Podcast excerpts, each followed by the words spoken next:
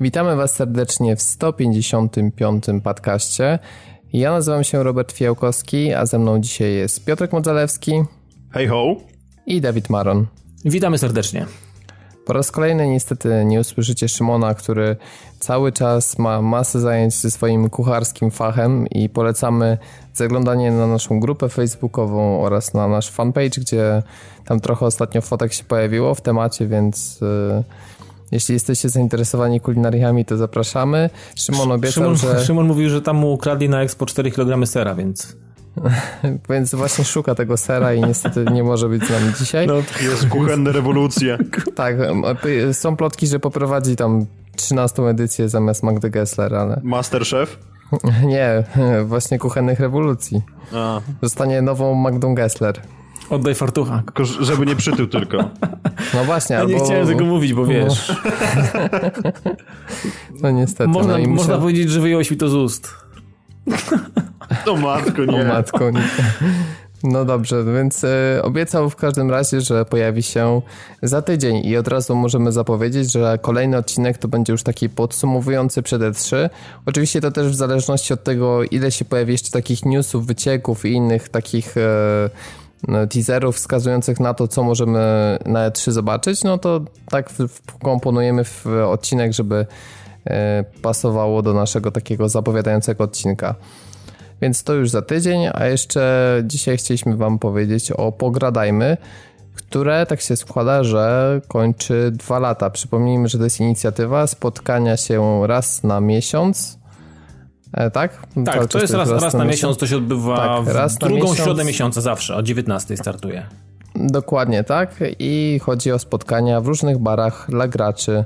I tym razem z racji tego, że to jest e, jubileuszowa edycja, to ubieramy się w takie kolory zielone, takie, takie wojskowe, tak, tak przeczytałem tak, zresztą w tym mailu, tak. który... Tak, taki moro dokładnie. Jezu, już przez chwilę myślałem, że taki Dzień Świętego Patryka opóźniony, czy coś, bo to... Nie, nie, nie, nie, nie. No wiecie, no dwa lata, w tej chwili to już jest 15 miast, gdzie to jest organizowane, więc można powiedzieć, że mm, event nie dość, że przed taką ewolucję jakąś tam przez ten, przez ten okres czasu, bo pamiętam, że pamiętam od pierwszego spotkania przez długi raz, przez długi czas na początku, jak to startowało, Patty bardzo, bardzo mocno wspierało i ciągle gdzieś tam jesteśmy blisko z Michałem i, i, trzymamy rękę na pulsie, staramy się o tym mówić, staramy się tam wybierać. No i to już jakby nie patrzeć, to, to dwa lata minęło, no więc kurno i fajnie, że to się utrzymało, że są ludzie, którzy chcą prowadzić w tych różnych miejscach w całej Polsce. Świetnie, że to się utrzymało. Bałem się, że to umrze po jakimś czasie i że nie znajdą się chętni, a okazuje się, że ludzi przybywa, miast przybywa, knajp przybywa, więc tak naprawdę super. Dokładnie, a z tymi kolorami to teraz sprawdziłem, że to chodzi chyba o Gdynię, bo tutaj jest, że w zależności od lokalnego logo pogradajmy, są te kolory. Tak. E, natomiast no właśnie ja się cieszę z, z tego powodu, że tak długo narzekałem na ten brak miasta, ale właśnie tym 15 miastem Polski jest Gdynia i za pośrednictwem Padbaru dołączę właśnie do tej inicjatywy, z czego bardzo się cieszę. Jeszcze nie wiem na 100% czy się wybiorę, e, no niestety wiem, że to tylko 3 dni, ale jestem jeszcze w tym szale takim magisterkowym, więc to u mnie się mo mogą różne rzeczy poprzesuwać, ale jak będę mógł, to z chęcią chociaż na, na trochę e, zaglądnę. E, I tylko ważna informacja jest dla graczy z Białego Stoku, także halo, halo Piotrek, że no, z powodu słucham, zmiany słucham. lokalu wydarzenie w czerwcu się nie odbędzie. Hmm. No, Piotrek się niestety nie będzie, będzie musiał coś z tą zrobić w tą środę. Do, Następne spotkanie jest planowane na lipiec, jeśli to znaczy, prawdopodobnie, prawdopodobnie w najbliższą środę to po prostu będę siedział i kół, tak, no bo sesja, no ale... Ech. Cóż począć? Przeżyjesz jak inni. No, nie mam innego wyjścia za bardzo. No, raczej. 10 czerwca od 19 w całej Polsce, to znaczy w 15 miastach. No, no i wszystko jasne. Wszystko jasne, dokładnie. Polska rzecz nie jest objęta w tym, tym Temat w tym chyba przewodni tego, tego, tego, tego pogadajmy, bo to jest tak, że jest jakieś tam właśnie taka tematyczne są te, to ma być e, z tego co widziałem gry w edukacji, jakieś takie Tak, plus temat. tematy dodatkowe jak zawsze. Tak, tym, więc także... warto wpadać. Ja myślę, że w, pojawia się w środę w, w, w, na pogadajmy. Zobaczę, może będzie coś wyjątkowego. No, tym bardziej, że to druga edycja, nie? Więc... Znaczy dwa lata, no, jubileusz. Znaczy, dru... właśnie, no, no okej, okay, właśnie to miałem na myśli. E, dobra, to jeszcze jedna sprawa. Mm, przypominaliśmy wam e, w zeszłym tygodniu na temat naszego programu o grach, który został już zapowiedziany. E, no i cały czas czekamy e, od was na propozycję nazwy dla niego. Y, tam spłynęło już kilkanaście propozycji na Facebooku i na naszej stronie. No ale chcielibyśmy, żebyście jeszcze tam trochę uruchomili pokłady kreatywności, bo przyznamy szczerze, że nie było jeszcze jakiejś takiej jednej nazwy, która no, to jest to, żeby tak po prostu nam się pojawiło w głowach, że to jest to, tak musi być, tak Dokładnie. tak będziemy robić, więc jest, jest jeszcze szansa wpłynąć. Tak, oczywiście to potem jeszcze będzie podane głosowaniu taka finałowa piątka czy trójka, w zależności od tego, ile będzie takich naprawdę mocnych propozycji, ale no, chcielibyśmy, żeby jeszcze było z czego więcej wybierać, więc wpadnijcie na padtv.pl, tam jest e, post, który zapowiada ten nasz nowy program i tam w komentarzu pod spodem możecie swoje propozycje zostawiać. I tylko taka mm, jakby sugestia, że nie musicie koniecznie kierować się tym, żeby było pad w tytule, bo to, że jest podcast, to nie znaczy, że koniecznie program musi też się nazywać spadem. Tak po prostu, żeby sobie nie ograniczać. Może być z klawiaturą albo z myszą. No nie, nie, nie, nie, nie, momencik, mieliśmy już tam propozycję F5, ale tutaj Piotrek postawił weto. Okej, okay, dobra, dobra. No. No F5 słabo, no. Będziemy mówić w tym programie też trochę o tematach PC, jakichś zapowiedziach, żeby nie było ale to nie znaczy, że to ma być temat przewodni programu, także... Tak, klawiaturologię proszę zostawić w domu. Albo mhm. w pracy. Albo w pracy. Właśnie, dokładnie, tam jest miejsce PC-ów. W domu gramy na konsolach. No i teraz będzie flame w komentarzach, ale dobrze. A jeszcze się nie zaczął odcinek, a już nagabiłeś sobie. No, dokładnie. Mam, wszyscy wiedzą, że to tylko tak dla żartu, ale... No raczej. Tak? Piotr tylko nie wie. sobie... Piotr nie wie. Przejdziemy sobie do naszego pierwszego dzisiejszego tematu. Taka standardowa dawka wiedźmińskich informacji. A to dlatego jest co tydzień co powiedzieć w temacie Wiedźmina, bo chciałbym tu pochwalić CD Projekt Red za naprawdę bardzo sprawną politykę wydawania kolejnych aktualizacji, które w dodatku rzeczywiście poprawiają rzeczy w widoczny sposób i Cieszę się, że tak natrafiłem akurat na tą aktualizację już 1.4 na konsolach, 1.05 na PC. E, niestety wciąż 1.03 na Xbox One, bo mm, łatka prawdopodobnie trafi w najbliższych dniach dopiero w tym tygodniu. Tak, ja myślę, że to jakiś tam proces certyfikacji jest inny, bo nie wierzę w to, że nie zrobili tego, tylko może to tam wydłuża się to w jakiś sposób. Być może, ale co poprawia ta aktualizacja? Dla mnie jedną z większych zmian pozytywnych jest to, że zwiększona została czcionka i elementy interfejsu. Największy Ale to jest takie to chyba... widoczne? Zauważasz to faktycznie, to się rzuca w oko, czy to mm, mm, jest tak sugestia taka, to jest 15%, ale to jest na tyle duże, duże powiększenie, może więcej, nie wiem, że teraz jest ok. Okay. No, został, nie jest jakaś dramatyczna i to nie jest też tak, że na tym suwaku się pojawiła, nie wiem, wersja bardzo duży interfejs. Nie, to po prostu tą wersję dużą powiększyli minimalnie i teraz y, ja już żadnych problemów nie mam. Wiem, że tam była kwestia najbardziej mi się wrzucało w oczy, że nieraz e, te elementy, które ze skrzyń podnosiliśmy, wiadomo, że to można skojarzyć z elementem, ale nieraz no tak ten krój nie jest zbyt czytelny, który tam jest zastosowany. No nie, bo on ma taką jakąś ramkę dookoła i że też ten, ten napis... No te tak... szeryfy są takie tak, tak. Jakoś tak dziwnie to jest. No. Mhm. E, no i muszę powiedzieć, że jest dużo lepiej. Na PS4 też poprawili um, cutscenki generalnie i prędkość jakby działania gry w tym czasie więc y, to też odnotowałem znaczną poprawę. Dla mnie bardzo fajna rzecz to jest to, że poruszanie się zostało Geraltem nieco zmienione. I to trudno, już tak rozmawialiśmy przed nagraniem, trudno jest to jakoś tak w Ale porównałeś to do RDR-a, tak? Że to jest mniej tak. więcej coś, coś, coś ten deseń. Jest bardziej RDR-owe, bo do tej pory miałem wrażenie, że animacja musi się skończyć, zanim mogliśmy zmienić kierunek biegu ale mm, teraz jest jakby tak zrobione, że te animacje są krótsze i jakby Geralt jest bardziej responsywny. Nie mamy wrażenia poruszania się takim ciężkim klocem. I o ile można było się przyzwyczaić już po tych, mm, nie wiem, już kilkunastu godzinach w Wiedźminie, oczywiście przyzwyczaiłem się do tego, jak się Geralt porusza, ale teraz jest zdecydowanie lepiej. Jest to drobna zmiana, ale na bank w dobrym kierunku. E, no i druga sprawa, też mm, drobna, ale ułatwiająca życie, to nie ma już problemu z zapalaniem i gaszeniem świeczek, to no, o czym to, mówiliśmy przed tygodniem. To było, to było irytujące trochę, no. To nie, tak, przeszk ale... nie przeszkadzało jakoś specjalnie, ale po prostu człowiek po prostu mógł to zrobić raz i mieć zbanie, a tak po prostu pstrykał tymi palcami jak osioł. No, nie wiem jak do końca to naprawili, ale po prostu intuicyjnie zawsze robię to, co chcę. Zresztą ja tych świeczek raczej nie chcę gasić, więc po prostu zawsze, kiedy chcę otworzyć tą skrzynię, czy tam wziąć jakieś elementy, to je biorę. No i ten błąd z, z brakiem punktów e, doświadczenia za questy też został naprawiony, chociaż ja na szczęście go nie miałem, więc trudno jest mi powiedzieć. Ja gdzieś czytałem, zmiany. że jak robisz questa takiego naprawdę, jakiś low level i zostawiłeś go sobie, to tam dostajesz jakieś śmieszne, jakieś 2 XP, czy tam 5 XP, tak jak no, mniej więcej jak Borderlands. Okay. To mhm. jest okej, okay, ale tu chodziło raczej o mm, brak e, doświadczenia, jeśli to były questy na twoim levelu. A to mi się akurat to nie trafiło w ogóle, więc akurat to wiesz, no to o tym, a to zresztą mówiliśmy w zeszłym tygodniu o tym. I taka dosyć zabawna kwestia, ponieważ w Wiedźminie był taki exploit, y, błąd, który umożliwiał zdobywanie naprawdę ogromnej ilości kasy. Mm, w jakiejś tam lokacji mogliśmy zabijać krowy, je oskurowywać i potem sprzedawać za sporą kasę właśnie e, tą, tą skórę z krów.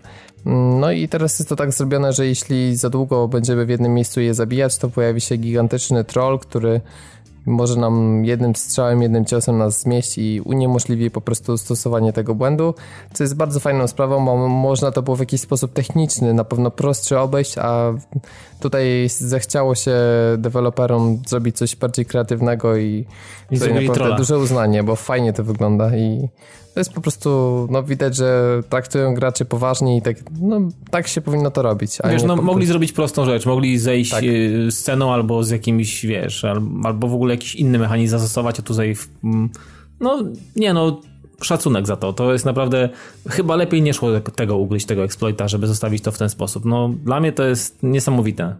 Robert, a powiedz, jak wygląda kwestia z tymi questami, co właśnie wspominałeś w poprzednim odcinku, czy dwa odcinki temu, że nie mogłeś ukończyć. No właśnie, tutaj jest problem, że dalej mam w dzienniku Aha. ten jeden quest jako nieukończony, z tym, że nie sprawdzałem, jakby wiesz, nie wracałem się do prologu, nie próbowałem jeszcze raz powtórzyć. Jasne. Ale nie było w changelogu żadnej informacji na temat tego, że błąd w tym questie został naprawiony, więc jakby szkoda było zachodu, nie sprawdzałem. Wiesz, może to tyczy gdzieś w środku, może masz w save już tak jakby z, z innej wersji i tak naprawdę nie da się z tego nic zrobić. Może to tak, tak, tak nie działa w, w, obie, w, w obie strony, że wiesz, może, może to już nie występuje, ale musiałbyś pewnie gry zaczynać na nowym pliku save'owym i od nowa. Może wtedy by to już szło ok. A, powiedz, a powiedz mi, mhm. bo ty, to ty Piotrek nie grasz, ale zdarzyło ci się na przykład... E, że jakiegoś questa nie ukończyłeś z jakiegoś powodu i masz go na przykład, że on się nie powiódł, coś takiego? E, to znaczy miałem taką akcję, że wyświetlił mi komunikat, ale wtedy zrobiłem reload save'a. To Aha. było wiesz kiedy? Bo była taka... Ja mam jeden taki quest i, nie, i, on mi tam znaczy, wisi na samym dole. I. Znaczy u mnie to była sytuacja taka, że no, mm, tak żeby nie zaspoilować, pole trupów i tam trzeba było bronić takiego No, no, no, typa. wiem, wiem, wiem. I, o, I było tak, że on mi zginął i wtedy był quest nieudany. A, no, nie, to ja miałem to przy jakimś innym questie i mi to też wyskoczyło no, ale ja tam... wtedy po prostu zrobiłem reload, bo, i, bo wiesz, mnie to, znaczy zawsze mnie wkurzają takie questy, gdzie trzeba sztuczną inteligencję bronić, bo widać było, że gdzieś tam po prostu, wiesz, koleś wbiegł w środek y, w sześciu potworów i one go szybko ubijały, no i... No tak, to tak jest. A wiesz, a ja gram na tym wyższym poziomie trudności i tam w tym questie falami y, potwory się pojawiały mhm. i po prostu Problem jest taki, że dłużej zajmuje zabijanie ich i było ich już tak dużo, że jakby ja spokojnie unikami byłem w stanie tam się bronić, ale no one niestety biegły i atakowały właśnie tego NPC-a i mm -hmm, on wtedy nie miał żadnych szans. No, no ale jasne. to w końcu za którymś razem tam wyszło i staram się tak robić, żeby nie wyskakiwało, więc wiesz, ja mam w ogóle na 10 save'ach i zawsze robię tak, że przynajmniej... Nie nadpisujesz, rotuj... tylko robisz nowy, tak?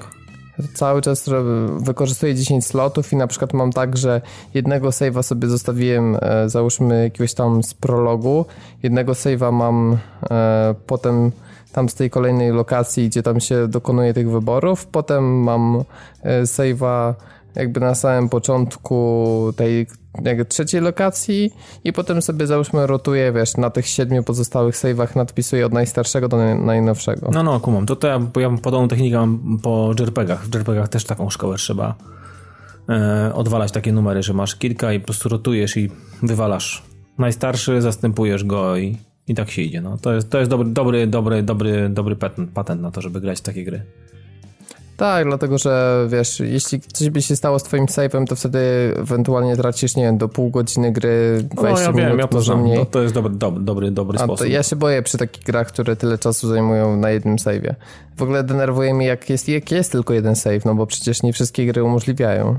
No tak, no, bo masz checkpointy, masz jeden save i podzielone checkpointy, jakieś chaptery, pierdy, no to wtedy jest uciążliwe. No, całe szczęście tutaj można na, napisać tych save'ów tyle, ile się chce, no. więc to jest super sprawa. No to myślę tyle, jeśli chodzi o Wiedźmina. Teraz sobie przejdziemy do XCOMa 2, e, który został nieoczekiwanie zapowiedziany, może i oczekiwanie, bo w zeszłym tygodniu... Znaczy ja się osobiście o... nie spodziewałem. Mówiliśmy o teaserze, ale on taki był bioshockowy, trzeba przyznać. Mhm.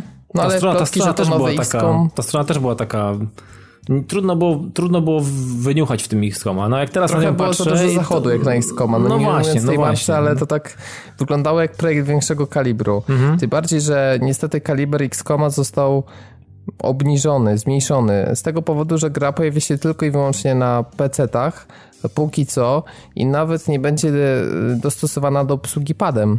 I gra musi nas do klasycznego przeklikiwania się myszką i klawiaturą.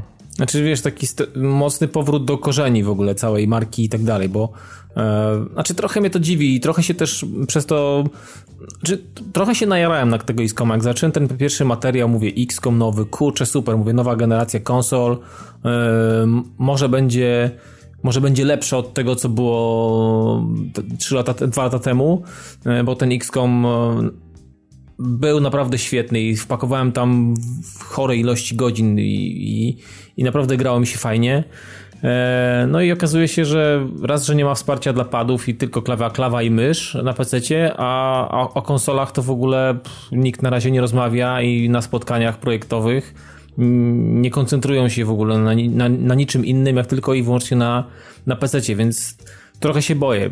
Mam taką małą, cichą nadzieję, że w końcu wyjdzie na, na konsolę i jakieś tam wsparcie może się pojawi y, dla PC z, z, tym, z tym padem, ale obawiam się, że to może potrwać trochę, o ile w ogóle, więc kurczę tak trochę no miałem smaka na X-Koma, ale może się okazać, że niestety nie pogram, no. Trochę ja z jednej strony rozumiem to, co oni robią, no bo to jest jakby taki powrót do korzeni, tak, i, i z tego, co się orientują, to chyba największa publiczność jakby dla XCOMa była dotychczas na PC-tach. Nie, no tak, Ale z, tak, oczywiście. Z drugiej strony, no, kurde, naprawdę siedzieć zgarbionym przy biurku, bo nawet ci nie dają tego wyboru, żeby usiąść sobie z padem, to jest takie trochę z dupy za przeproszeniem. I nie rozumiem, dlaczego deweloperzy to robią, no bo trzeba powiedzieć, że o ile Mass Effect wychodził na inne platformy niż na PC-ta, no to przecież z dwójki i trójki obsługa pada na PC została wycięta po prostu. Mhm. Także no to, to nie jest pierwszy deweloper, który właśnie postępuje w taki sposób, ale gdzie jest w tym wszystkim logika, no to sorry, ale po prostu jej nie dostrzegam. No właśnie znaczy, też nie oni są po prostu, mam wrażenie, e, to taki może teoria spiskowa, że oni dostali mały budżet stosunkowo na tego X-Koma. Ale wiesz, stosunkowo no tak... mały budżet, a z drugiej strony idzie to w parze z kampanią reklamową, która znaczy z kampanią, tak, z, z, z rewilem, który został przeprowadzony w taki, a nie inny sposób i który naprawdę I no, zajarał, na zajarał właśnie wiele osób, chociażby o, to, to była taka trochę dziwna kampania, można byłoby powiedzieć, z tego prozaicznego względu, że no wskazywała bardziej na Bioshocka niż na XCOMa. No, I wątpię, żeby... się. Tyle zachodu o to, żeby zrobić grę no tylko właśnie. wyłącznie na PC bez obsługi pada, to jest dziwne. No tak mi się teraz to też, też to mi to nie, nie gra jakoś. Nie, nie... Ale no próbuję znaleźć jakiś sensowny argument i właśnie ten budżet, no bo tak, dostosowanie do pada i przy, przeprojektowanie interfejsów, czy zaprojektowanie de facto dwóch interfejsów, bo chyba tak to trzeba powiedzieć w kwestii i, i pada i myszki i klawiatury, to jest jakiś tam dodatkowy koszt. Przygotowanie wersji na PS4 i One to też jest dodatkowy koszt.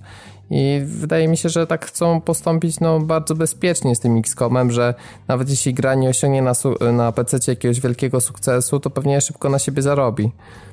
Takie mam jakieś wrażenie, że nie wiem, został obniżony trochę kaliber tego tytułu.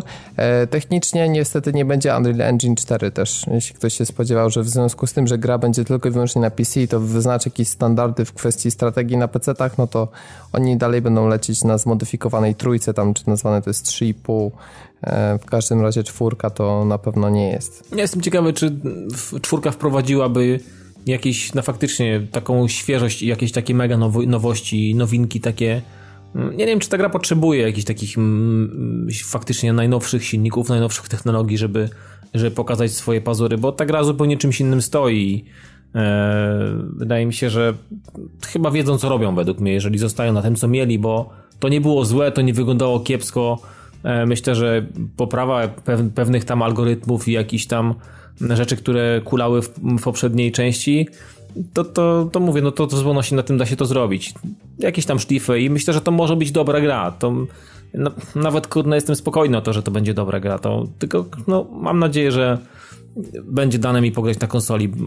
Z jakimś lagiem, niech będzie nawet to lag, ale chciałbym, żeby ta informacja gdzieś tam mimo wszystko mm, wyszła, bo na razie no, w sumie sam Salomon, ten człowiek tak się nazywa, nie wyklucza, że tam tylko i wyłącznie PC i nic więcej, ale to wiecie, to się jeszcze może wszystko zmienić tak, że faktycznie tylko dla PC i nic więcej. No, mam nadzieję, że nie. Trzymam kciuki, no żeby się udało.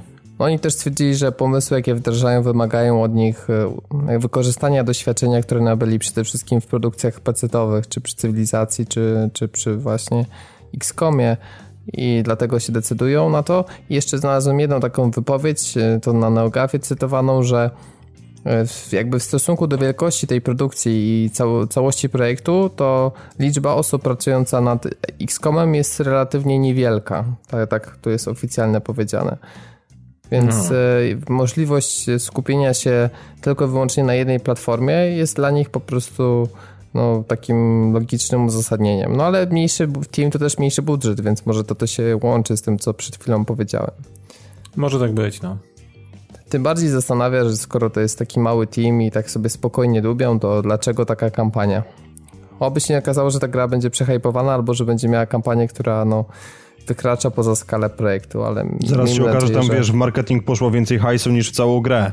No tak będzie prawdopodobnie przy Falloutie 4, który też został zaprezentowany w tym Zaczyna tygodniu. Zaczyna się. No muszę powiedzieć, że ja jestem przede wszystkim w szoku, ile osób zobaczyło ten pierwszy trailer, bo to już chyba ponad 12 milionów. Jak ostatnio patrzyłem, zdecydowany numer jeden na kategorii gry na YouTubie. E, przy czym teraz e, uwaga, pewnie zjedzą mnie fani Fallouta. Uważam, że ten zwiastun był słaby. Znaczy, on, on, on, on pokazuje, no tak niż... naprawdę to jest taki zwiastun, zwiastun wydmuszka, no okej. Okay, no, ale mi się nie, podoba, chwilę. że to nie jest CGI, tylko... No właśnie, ja chciałem powiedzieć, tak. że nie zgodzę, Dawid, z tego prozaicznego względu, że Bethesda nam pokazała chyba najbardziej uczciwy pierwszy zwiastun gry od lat. A to chciałem o tym powiedzieć, że faktycznie nie, no tak, nie obiecują plus. czegoś z kosmosu, tylko... Także ja bym nie nazwał tego wydmuszką, a raczej po prostu bym to nazwał taką prawdą i możemy być pewni, że nie jest to punkt odniesienia, który należy podzielić na dwa, tak jak w wypadku różnych pierwszych tam materiałów związanych z The Division i tak dalej, a jest to po prostu punkt odniesienia, który może nawet być, zaryzykuje stwierdzenie, na jakimś starszym buildzie po prostu i teraz oni będą od tego budowali jeszcze do premiery jakieś ewentualne dodatki i usprawnienia wizualne. Wiesz, no lepiej, lepiej, lepiej być pozytywnie zaskazzonym w przyszłości no tak, czymś tak, lepszym. Ale po prostu... Zgadzam z wami, tylko mi chodziło o to, że wygląda, że jest słaby, nie dlatego, że oprawa graficzna, bo uważam, że się prezentuje całkiem okej, okay, mimo że niestety tak słyszałem, że to, to jest Gamebryo przemodelowany, a nie silnik ID Tech, e, na co Żartujesz. Tak, dokładnie. Oni matko, robią on... na, na, tym słynnym starym Gamebryo, czy jak to tam się nazywa. Ten. No taka jest prawda, chociaż prawdopodobnie silnik dostanie nową nazwę, żeby Aha, marketingowo żeby lepiej uciec, to no, no, dokładnie. no ale to jest analogiczna sytuacja, jak była przy Skyrimie, tak, że wszyscy mówili, że to jest to samo, a oni stwierdzili, nie, to jest zupełnie coś innego, bo zmieniliśmy część bibliotek i to już nie jest to samo. No to tak jak silnik Call of Duty, który, wiesz, tam pamiętasz, który też jest co roku nowy, ale cały czas tak naprawdę to jest dokładanie nowych bibliotek do starego silnika. A czy nie mi chodzi po prostu o to, że on jest taki jakoś, nie, nie wiem, tak prostacko trochę zamontowany, że cały ten motyw z pokazywaniem e, tych, tych flashbacków e, w momentu katastrofy mi się wydaje taki mało kreatywny po prostu, że jak sobie przypominam ten pierwszy reveal w Fallouta 3, to owszem, to było CGI, ale to, to miało ciekawy pomysł. Można było zrobić coś analogicznego, tylko że na silniku gry. A tutaj po prostu z tym psem, nie wiem, mnie jakoś specjalnie ten zwiastun nie kupił i po prostu nie, tro, trochę może nie znudził, ale nie zaciekawił tak jak myślałem, jak to odpalałem, że, że teraz po prostu zostanę zmiażdżony. No nie zostałem ale zmiażdżony niestety. Może, może to nie było celem Bethesdy, może po prostu, wiesz, to było takie rzucenie podwalin jakby i, i stworzenie jakiegoś takiego początkowego zainteresowania, a z racji tego, że mają w tym roku na E3 swoją własną konferencję, to dopiero tam zrzucą jakąś bombę. No, może też, tak, być, może tak też, to też jest możliwe. Tak. Natomiast e, nie wiem, co powiecie o tej zmianie stylistyki, bo e, poprzednie Fallouty były szczególnie te, te no umówmy się, że mówimy o poprzednich, mam na myśli trójkę i New Vegas, e, jakby ten nowy rozdział w historii marki. No one były takie specyficznie stonowane. Fallout taki bardziej zielonkawy, New Vegas taki trochę pomarańczowawy, a tutaj nagle dostaliśmy barwę kolorów jak z Destiny. Może nie aż tak przesadzoną, ale widzę pewne jakieś tam inspiracje czerpane w tym wszystkim. Znaczy nie wiem. Jak ci się Piotrek to też podoba, bo nie wiem, czy widziałeś tam niektóre lokacje, to całkiem przypominały z tego, co widziałem właśnie Destiny. To znaczy, ja się temu, temu zwiastunowi jakoś specjalnie nie przeglądałem, z tego prozaicznego względu, że Fallout mnie tak średnio grzeje. Od trójki się brutalnie niestety odbiłem na PS3, ale to wynikało z faktu, nie wiem, to mogę sobie pozwolić na małą dygresję, że Fallout 3 w Polsce został wydany przez Cenegę i niestety, ale w związku z tym, że został przetłumaczony, to nigdy nie dostaliśmy, czy, czy to był jakiś idiotyczny tak, czas tak, po premierze. tak, tak, tak. w każdym razie łatka, która naprawiała bugi w grze, pojawiła się, albo nie pojawiła się w ogóle, albo pojawiła się debilnie późno i po prostu ta gra była dla mnie niegrywalna. Już pomijam fakt, że na polskim rynku dostanie angielskiej kopii, w sensie, która miałaby angielski język, graniczyło z cudem, więc no... Tam były problemy czwórka... z DLC-kami, pamiętam, że jakieś Tak, dodatki tak, do tego. dokładnie. No, I po prostu siłą rzeczy jakoś czwórka, no może inaczej, jeżeli chodzi o wizualia, o to, o co się pytasz, no nie wiem, mnie jakoś ta paleta barw nie razi. Ja rozumiem, że może puryści się po prostu teraz oburzą, że jak to jest możliwe, że tam jest tyle kolorów i tak dalej, ale no nie wiem. Z oceną musiałbym po prostu poczekać do czasu, do, do czasu, kiedy rzeczywiście dostałbym to w swoje łapy i zobaczył na własne oczy, jak to wygląda. Bo póki co dostaliśmy tak jeden zwiastun i zdaje się, że wokół niego jest więcej kontrowersji niż jest to wszystko warte. Ale podobało mi się to, że jacyś gracze na podstawie budynku tej wieży, która tam się przejawia, określili na mapie pozycję wszystkich tych elementów, które się w zwiastunie pojawiają. Bo To są zwyrole jacyś, no. A niesamowite po prostu, bo wiesz, wyliczyli, że mniej więcej skala jest, e, tam jest mniej więcej 1 do 3, m, jak między 1 do 3 a 1 do 2. E, Policzyli jak to wygląda na Google Mapsach i zastosowali skalę i pokazywali te elementy, gdzie tam jest właśnie e, Volt, e, który tam widzieliśmy na zwiastunie. 111 chyba. Tak, e, widzieliśmy, gdzie jest ta wieża, to ma być e, z MIT, z tego co słyszałem, że to jest wieża właśnie e, MIT. No tak, no bo trzeba powiedzieć, że to jest Boston, Massachusetts. Dokładnie, tak. Więc mm, właśnie w Bostonie będzie akcja umiejscowiona.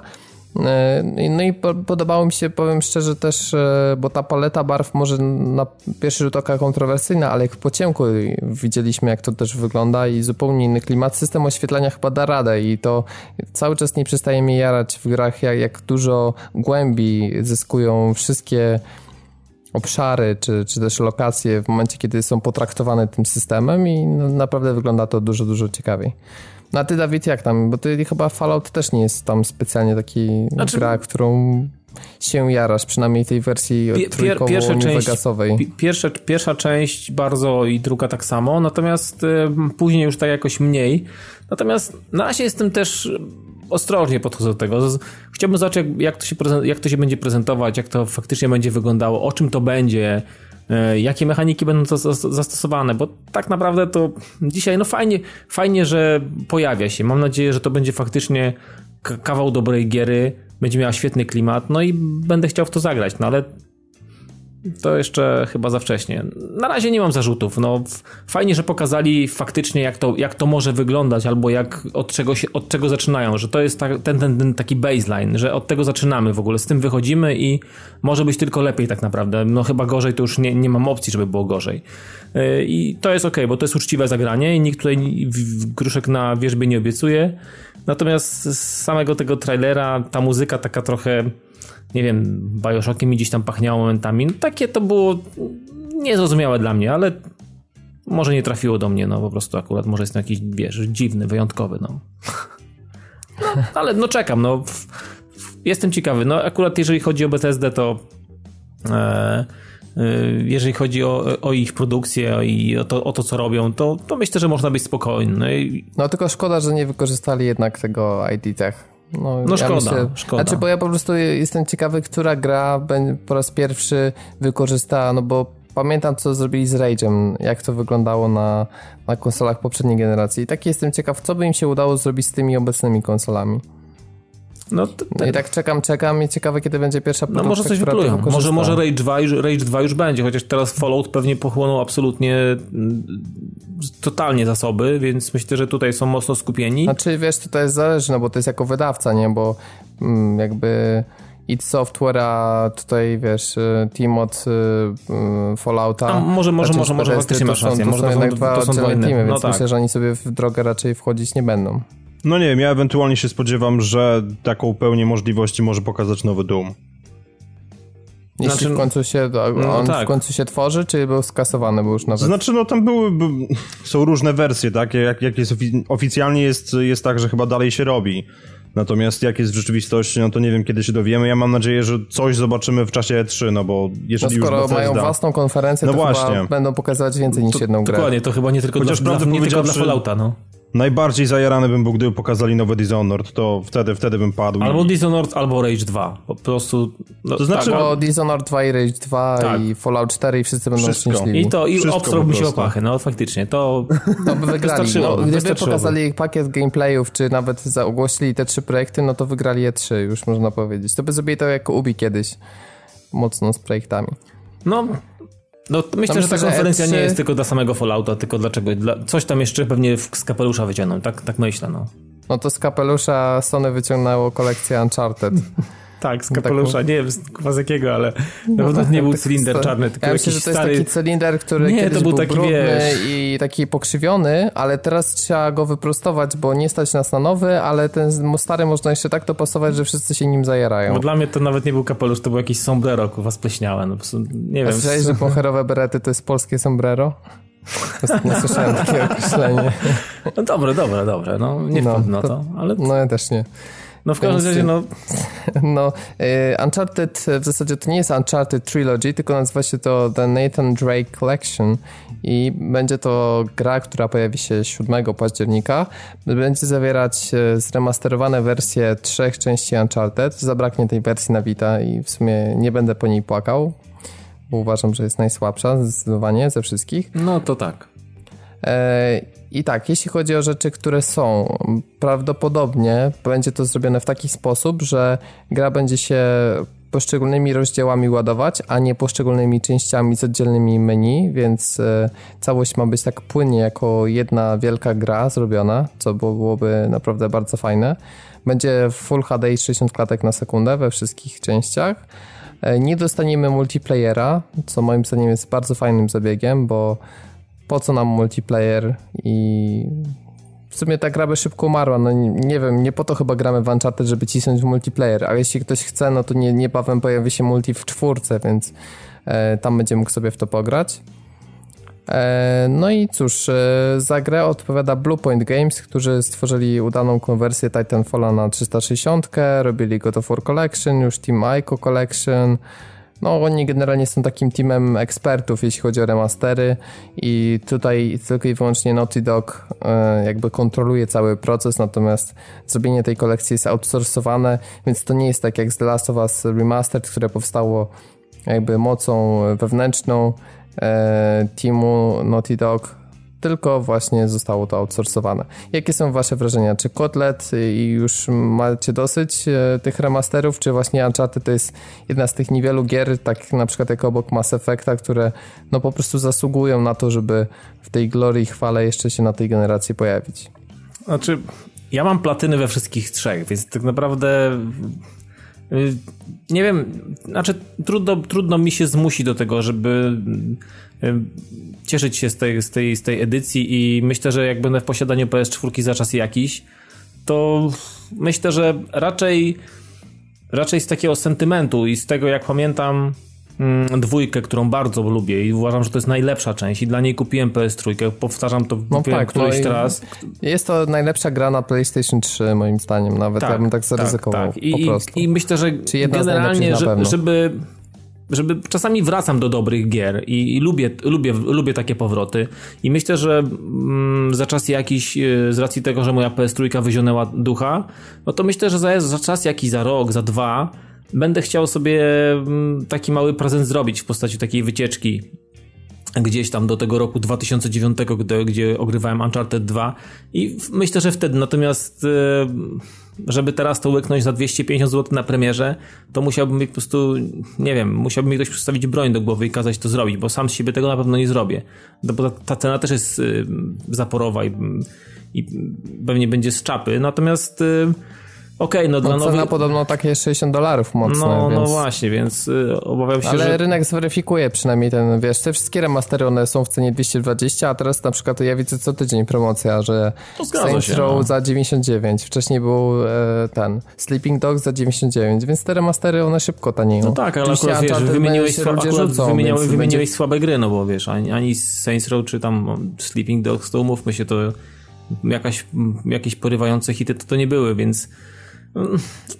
no, nie wiem, no to Uncharted fajnie, że jednak inni ludzie będą mogli poznać, no ale to zawsze możemy tak powiedzieć, że ta remasteromania, która jest y, na obecnej generacji konsol jest dla ludzi, którzy przyszli dopiero do konsol.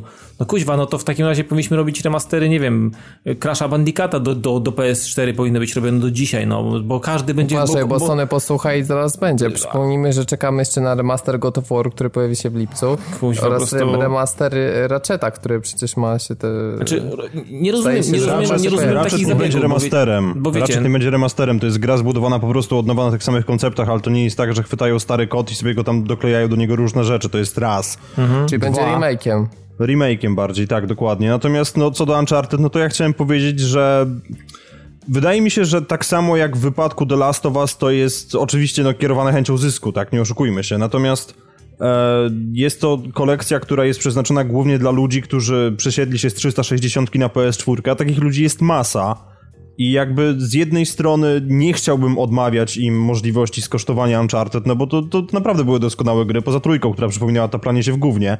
I prawdę powiedziawszy, kupię tę kolekcję, bo wątpię, żeby to się stało na premierę, tak? No bo cena, tak jak powiedzieliście, no nie, jest zaporowa. No, na pewno. Natomiast e, chciałbym ją kupić chociażby z tego względu, że ostatnio wpadłem na wspaniały pomysł, hej, fajnie mi się grało w Uncharted, przypomniałbym sobie i to dosłownie, nie wiem, jakieś dwa tygodnie temu, może trzy, odpaliłem jedynkę i no, czegoś brakowało po prostu, ta, ta nowa generacja mnie cholernie rozpieściła.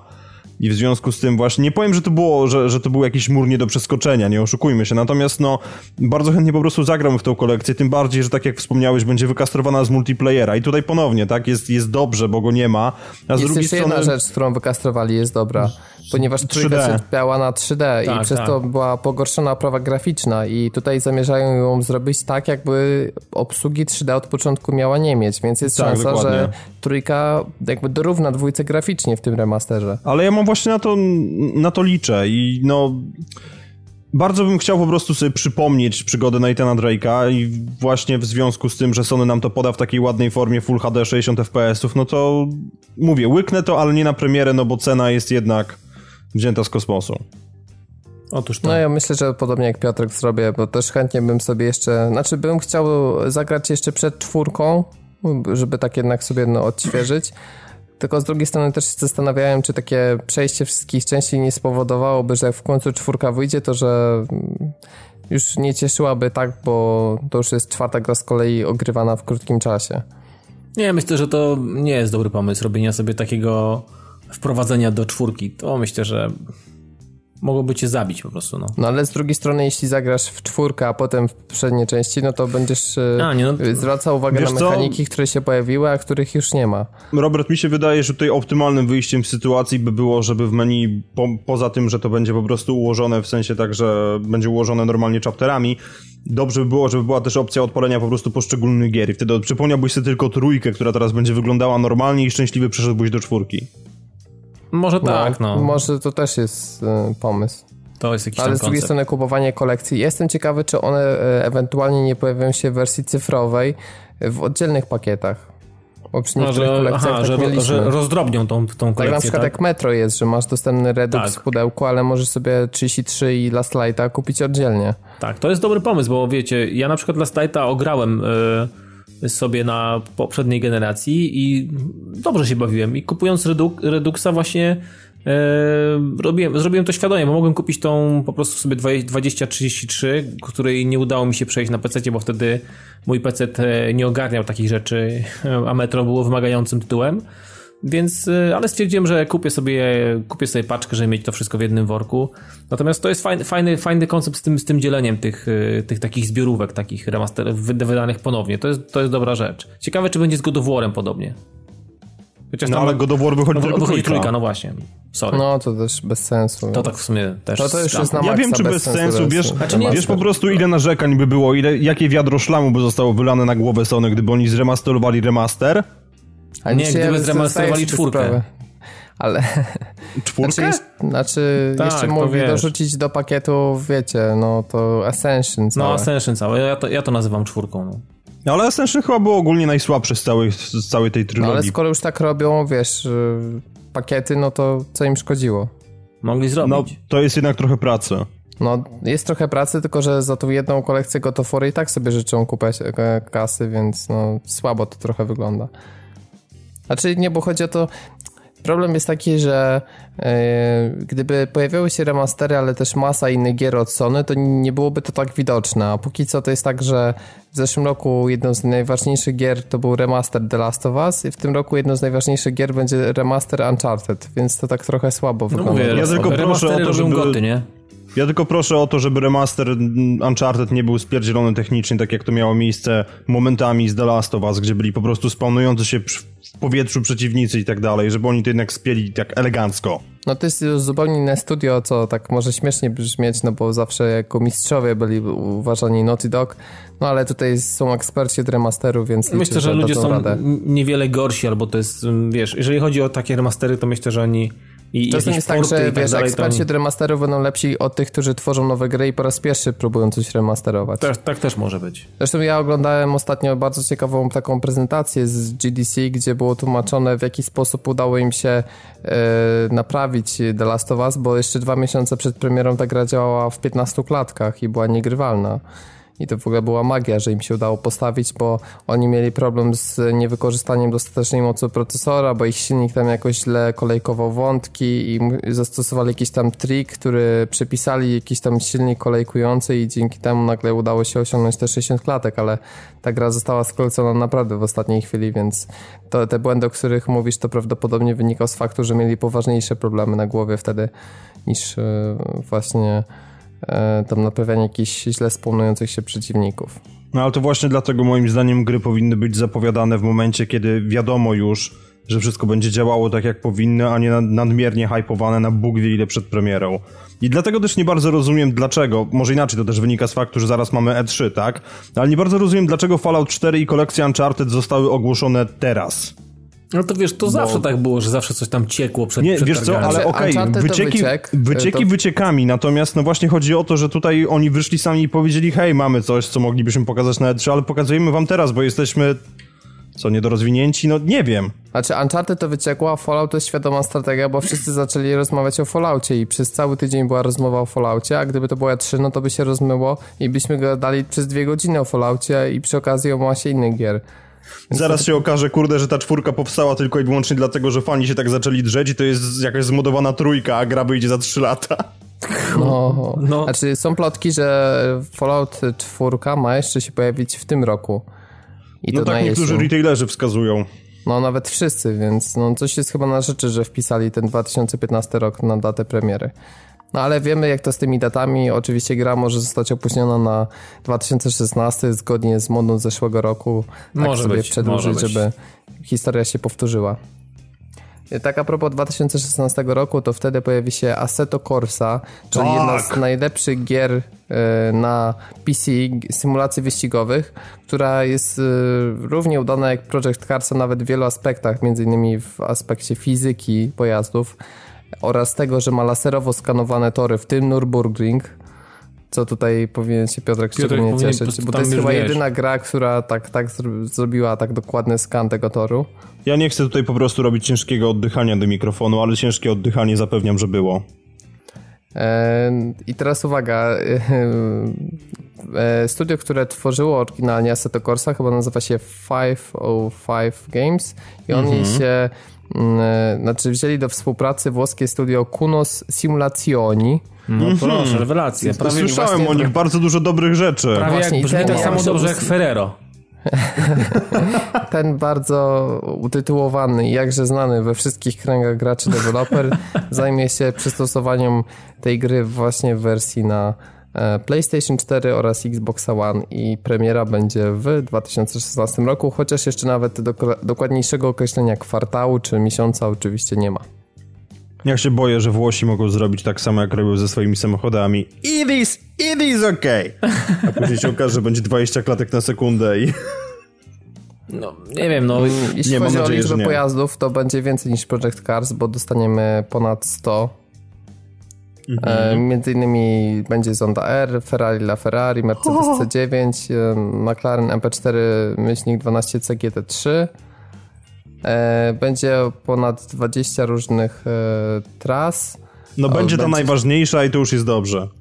Tak, oczywiście będzie Silverstone, Spa, Monza, Nürburgring, te są potwierdzone z takich europejskich klasyków. E, Będą tryby zarówno single, jak i multi do jeżdżenia, z możliwością dostosowania sobie weekendów wyścigowych, różnych challenge'y, a także taki pełnowymiarowy tryb kariery. E, Mają również poprawić znacz, znacząco AI.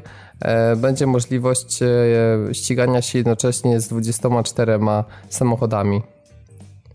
Rewelacja. Także. Ja się nie myślę, wypowiadam, że bo... całkiem sporo. No, w Proje- w Project Cars chyba jest więcej, no ale to ważne, żeby gra dobrze działała. No wiesz, no w Project Cars co z tego, że jest dużo, jak to tam wiesz. e, Wydajność tej gry spada drastycznie. Widziałem na, na Digital Foundry, to po prostu dajcie spokój, kurne to. Najlepiej to iść samemu. No wtedy gra działa dobrze i No, w słońcu dokładnie. koniecznie, bo deszcz to Tak, jest tak, minus tak. 15 klatek. Też na dzień dobry zawiera dokładnie ileś tam. No ale Jeszcze taka świetle... ciekawostka, przeczytałem, że Kuno Simulazioni mieści się w Rzymie. Mm, To jest w ogóle, no to rewelacja, no. I oni Nie, no, są studiem, dobrze. które specjalizuje się w tworzeniu e, różnych, e, nie, czekaj, symulatorów biznesowych dla najbardziej wpływowych e, firm, e, włoskich firm motoryzacyjnych, w tym Ferrari. Hmm. No, No ale jak to w tworzeniu symulatorów? Znaczy czy symulacji? symulat- symulacji biznesowych. Aha, no to nie, to mają Robią ekspertyzę po flipcharty prostu robią. najlepszą na świecie. najlepsze, najlepsze flipcharty walą. Więc czuję, że wykarsiki będą dobre, jeśli chodzi No o ale to tą- właśnie o to chodzi, wiesz, będziesz odpalał telemetry i będzie o Boże, jak to wygląda, a później będziesz odpalał grę i będzie o Boże, jak to wygląda. No dokładnie. Albo, albo jak to jedzie, nie? Dokładnie. Dokładnie. A to- natomiast to no, być- w świetle tej informacji jeszcze też warto byłoby wspomnieć, Robert, o tym, o czym gadaliśmy jakiś czas temu, a więc widzieliśmy kolejne zdjęcia nowego Logitecha podpinanego tylko do PS4 by wynikało z tego, co, co zobaczyliśmy na pudełku. W sensie, że nie będzie jednocześnie G29. kompatybilności z PC, tylko będzie wersja Xboxowa i PS4, ale... To znaczy nie, tam chyba była tylko mowa w ogóle o tylko i wyłącznie mm, PS4. Mhm. No to Także- tego nie słyszałem jeszcze, ale e, kwestia jest taka, że plotki mówią o cenie 180 euro, czyli byłoby to bardziej sensowne na pewno niż to, co oferuje Thrustmaster, gdzie ta cena jest zdaje się 400 euro, więc tutaj o ponad połowę taniej. No tak, a jakość wykonania serii G jest raczej taka dobra, można powiedzieć dyplomatycznie, więc jeżeli rzeczywiście to ogłoszą i do tego by jeszcze Sony wyrzuciło gdzieś tam p- GT7 na PS4, no to ja jestem kupiony albo Tak, sprzedany. jeśli by się okazało, bo patrzeć. tutaj naprawdę te konsole dają radę, bo e, oczywiście jest Drive Club, jest Forza Horizon na razie tą drobną przewagę na ekskluzywy ma Xbox, bo ma piątkę i zaraz będzie miało szóstkę. Oczywiście czekam na GT7, ale będzie Project, znaczy jest Project Cars, będzie Assetto Corsa, więc naprawdę te najlepsze gry wyścigowe na konsolach są i będą, w związku z czym to jest super sprawa naprawdę, bo nie zabraknie zarówno dla fanów jeżdżenia po torach, jak i takich bardziej arcade'owych, bo jeszcze dostaniemy przecież Need for Speed'a odświeżonego, który mam nadzieję, że jakoś tam da radę.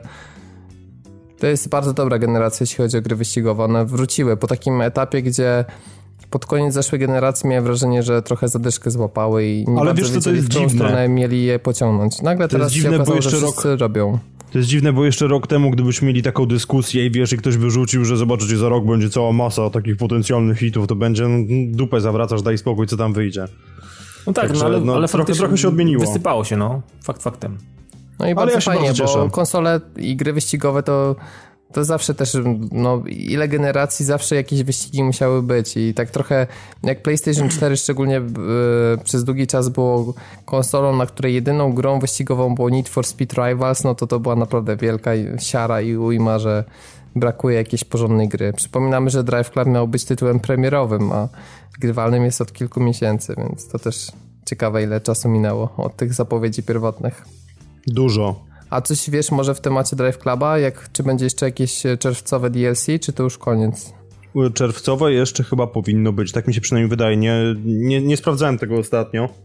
Aczkolwiek no, czerwcowe jeszcze powinniśmy dostać, a równie ważne jest chyba to, że oni jednak cały czas dłubią nad, nad optymalizacją tej gry. Ja co prawda nie wiem, co tam optymalizują, ale ostatnio jak grałem, to między innymi zauważyłem, że teraz można sobie w locie wyłączać cały HUD co bardzo fajnie właśnie imersję zwiększa, więc no co, coś tam jeszcze przy tym dłubią, nie wiem czy będzie kolejny DLC, wydaje mi się, że tak, że takie przesłanki były, więc ja osobiście czekam, ale nie obraziłbym się, gdyby też Sony ewentualnie wyszło na E3 i powiedziało nam, hej, pamiętacie te bugi, które wrzuciliśmy jako żart prima, prima aprilisowy? Macie nowego Motorstorma, my się chyba wtedy obstrał ze szczęścia.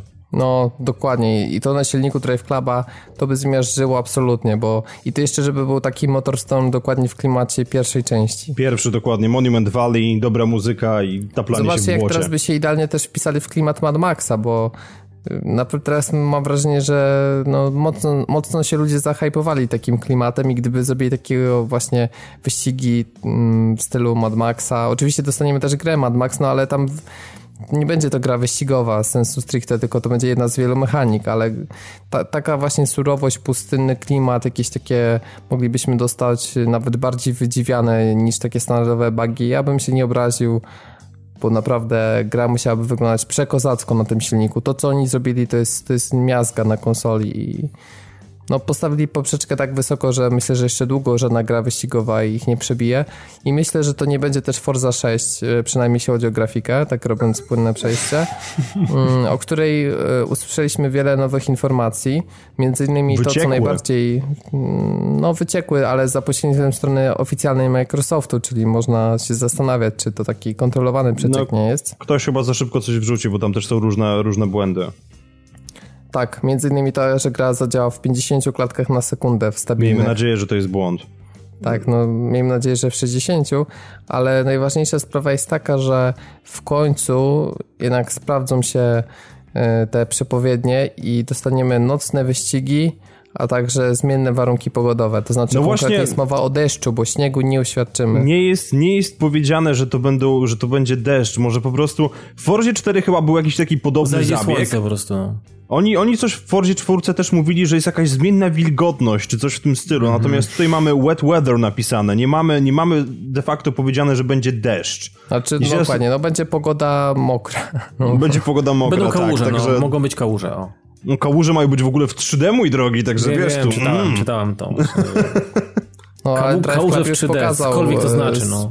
Zmiażdżył, bo tam woda jest spływająca. No jestem ciekawy, czy takie bajery będą w Forzie zastosowane. No może Bo co by nie mówić, ale deszcz i śnieg, Drive Cluby to chyba najmocniejsze graficznie elementy. Mimo, mimo że ta gra jest cała mocarna graficznie, to ona jeszcze lepiej zaczęła wyglądać właśnie z tymi warunkami pogodowymi. Nie, mi się, wiecie, no podoba informacja o tym, że będą po prostu w, pełne, w pełni odzorowane kokpity yy, i łącznie z dyskami rozdzielczymi w każdej furze, a tych fur ma być ponad 450 tak, I... to jest super sprawa, bo to będzie gra wyścigowa, która będzie miała najwięcej w tej generacji, najwięcej samochodów. To jest jakaś miazga, w ogóle nie jestem sobie w stanie wyobrazić takiej ilości. W Forzie Horizon 2 jest tych aut odpyty i tak naprawdę nie liznąłem pewnie nawet 10% tych samochodów, a tu po prostu będzie jakaś prawie pół tysiąca samochodów. Kurde. No i problemem piątki była też mała liczba torów, a tutaj dostajemy 26 lokalizacji, więc y, wiemy, że tutaj się nie wliczają te wszystkie tory w poprzek, czy tam odwrotnie i tak dalej, więc 26 różnych lokacji, co by też świadczyło, że ta gra po, jakby będzie godnym rywalem Project Cars w tej kwestii, które tych torów też ma bardzo, bardzo dużo. Między innymi podoba mi się pomysł, żeby umieścić w Rio de Janeiro. To, to może bardzo fajnie wyglądać. Nie wiem, jakaś Daytona też padła czy coś, więc no nie wiem, no ja jeszcze nie mam takiej ścigałki stricte, że ścigałki. Myślałem przez jakiś czas nad Project Cars, ale z racji tego, że ta gra, nie wiem, no mimo, że na konsolach działa najlepiej według tych wszystkich opinii i ludzi... Znaczy no słabo działa na Xboxie One i słabo wygląda. Tak, bo... no więc generalnie stwierdziłem, że generalnie... może jednak sobie ją odpuszczę, może poczekam faktycznie na tą Forza 6 i, i wtedy, wtedy sobie pojeżdżę po jakichś fajnych torach, naprawdę porobię jakieś czasówki i będę się ścigał ze znajomymi. Może to, może to jest akurat, to będzie ten tytuł. No. Tylko ja czekam na jakiś nowy tryb kariery, bo to zawsze była taka nuda w Forzie. Po prostu się, oni w czwórce już najbardziej poszli na taką ilość tych eventów, było no tak od zarąbania, że to przekraczało jakieś... Dla kogoś, kto ma OCD, to wiesz, tysiąc godzin po prostu robienia poszczególnych kratek i tych sezonów. Myślę, że to trzeba by jakoś uprościć i nadać temu jakiś większy sens, bo moim zdaniem Forza ma taki no, zbyt oldschoolowy, za mało jakiś taki, że nie ma linii przewodniej wobec tego, tylko musimy po prostu mhm. kupować samochody z, z zupełnie różnych serii wyścigowych. Właśnie nie ma takiego um, takiego klimatu, że teraz jedziemy o to w jakiejś serii wyścigowej, tylko to jest po prostu widać, że wygenerowane losowo jakieś tam parametry, jakiś tor i podobne mniej więcej samochody i jedziemy. I to jest chyba dla mnie największy zarzut do Forzy, że ja chciałbym poczuć się bardziej jak w, w, konkretnych seriach, to mi podoba się, że Project Cars wprowadził takie podziały, że tu wiesz, że tu jedziesz sobie formułą, tu sobie jedziesz go-kartami, tu masz sobie e, odpowiedniki GT3, e, tu sobie jeździsz tymi World Touring Cars, e, tutaj masz po prostu samochody sportowe, e, na przykład tak nieprzerabiane aż e, myślę, że taki podział fajnie jakby do Forzy też przywędrował, bo mi się Ja bym też się nie obraził, gdyby się dogadali z Porsche i żeby pojawiły się rzeczywiście te oryginalne Porsche, a nie żadne rufy albo tak, inne tego rufy, cuda. No bo oczywiście jak patrzymy tutaj, patrzymy tutaj na te screeny, które wyszły, no to co jest 458 specjale, e, gdzieś tam z przodu jeszcze majaczy Zonda, no ale chodzi o to, że żadnego, żadnego Porsche tutaj nie widać, a podejrzewam, że w momencie, kiedy mieliby to to chcieliby się tym pochwalić, tak? To jest oczywiście wyciek, no ale sympatycznie by było, żeby rzeczywiście dało się wbić w normalną 911 GT3 i zrobić normalne kółko po Nürburgringu. Albo nawet tym nowym Caymanem. Albo Caymanem GT4 dokładnie. Właśnie. No Także nic, czekamy. To są na razie te wszystkie informacje, to znaczy jeszcze powiem tak, że dostaniemy split screen, co teraz nie jest, jak wiemy, niestety standardem, bo Project Cars chyba w ogóle split screenu nie ma. E, będą wyścigi na 24 graczy oraz powróci mega słabo nazywający się system Drivator. Mmm, świetnie. Ja całe szczęście nie znam tych mechanizmów, więc trudno mi się powiadać. Może no, Drivator to jest to, że ty jeździsz i tworzysz jakiegoś swojego wirtualnego... Tworzysz jakby wzorce zachowań na torze, tak? właśnie, które następnie tak. są wysyłane do swoich, jeśli do na przykład znajomych. jedziesz jakimś zakrętem na torze, że zawsze ścinasz go ostro po tarce, to potem gracz, który będzie z tobą grał, e, to dostanie jeden samochód z AI, który będzie jeździł tak, jak to byś ty jechał. Kumam. Czyli załóżmy ten konkretny zakręt będzie ścinał mhm. zawsze. No, znaczy system chyba to jest, nie wiem czy on tak się super prezentuje, no on ma, jest ciekawy koncept, ale no wymaga jeszcze na pewno wielu szlifów i poprawek i zobaczymy jak to im wyjdzie w tej części szóstej. No, oby, oby wyszło. Czekamy na E3, gdzie po prostu się pojawi brodaty Dan Greenwald i jak zawsze powie, że nie będzie wyścigów długodystansowych pewnie. No właśnie, bo to nie zostało potwierdzone. To nie zostało potwierdzone, także na to jeszcze czekamy i wtedy Forza rzeczywiście będę mógł powiedzieć, że jest kompletnym pakietem i chcę bardziej niż kiedykolwiek. Ale i tak chcę, więc no. To jeśli nie chcesz, to możesz się skierować na Steama, bo o, może... nie, Robert. Mm, mm, mm. to, to, miałem świetne przejście wcześniej, ale mi zepsułeś. A ja ci je zepsułem i zrobiłem to kurde specjalnie, żebyś wiedział. o nie. I tutaj koniec. A to jest ostatnia informacja, nie? Więc już, już, już nie masz jak... A nie, jeszcze w premierach tygodnia możesz poprzechodzić. No, może tak poprzechodzę.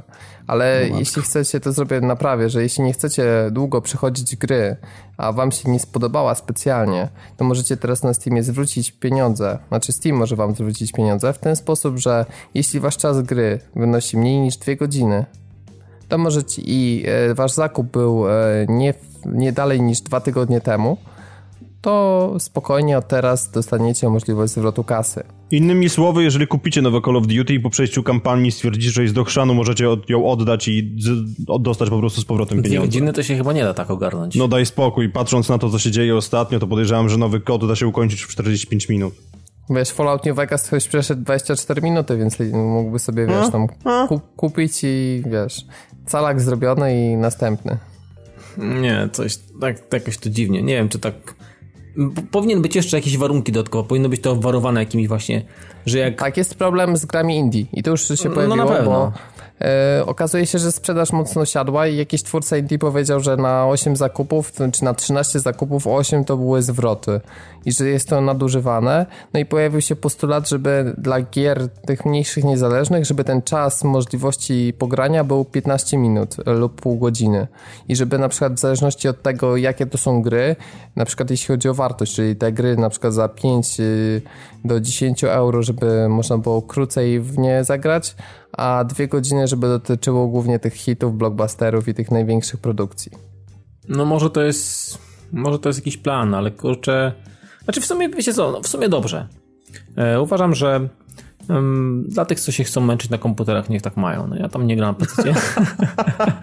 e, to jest ale tak, słuchaj, ale taki z punktu widzenia twórcy niezależnego, czy myślisz, że dwie godziny to jest coś, że rzeczywiście nie, nie. można przejść e, gry niezależne i teraz powodują, że zbankrutują, bo wszyscy poprzechodzą im gry? Czy znaczy, to jest trochę takie zasłanianie się, bo ktoś zrobił mega prostą grę i ktoś stwierdził, że nie będzie płacił za klona Bombermana czy tam Tetrisa i stwierdzi, że oddajcie mi kasę za to gówno. Znaczy, wiesz, no... A twórca niezależny przychodzi, płacze i mówi, że to wina Steama i że tak nie powinno być, no bo twórcy niezależni powinni być jakby pro-graczowi, a oni tutaj bardzo mocno jednak się tej sfery biznesowej. E, no ale wiesz, no um, tak jak umówmy się, to są zupełnie inne zasady, to są zupełnie inne pieniądze, to są zupełnie inne budżety, to są zupełnie, te gry są produ produ produkowane i tworzone w zupełnie innych warunkach.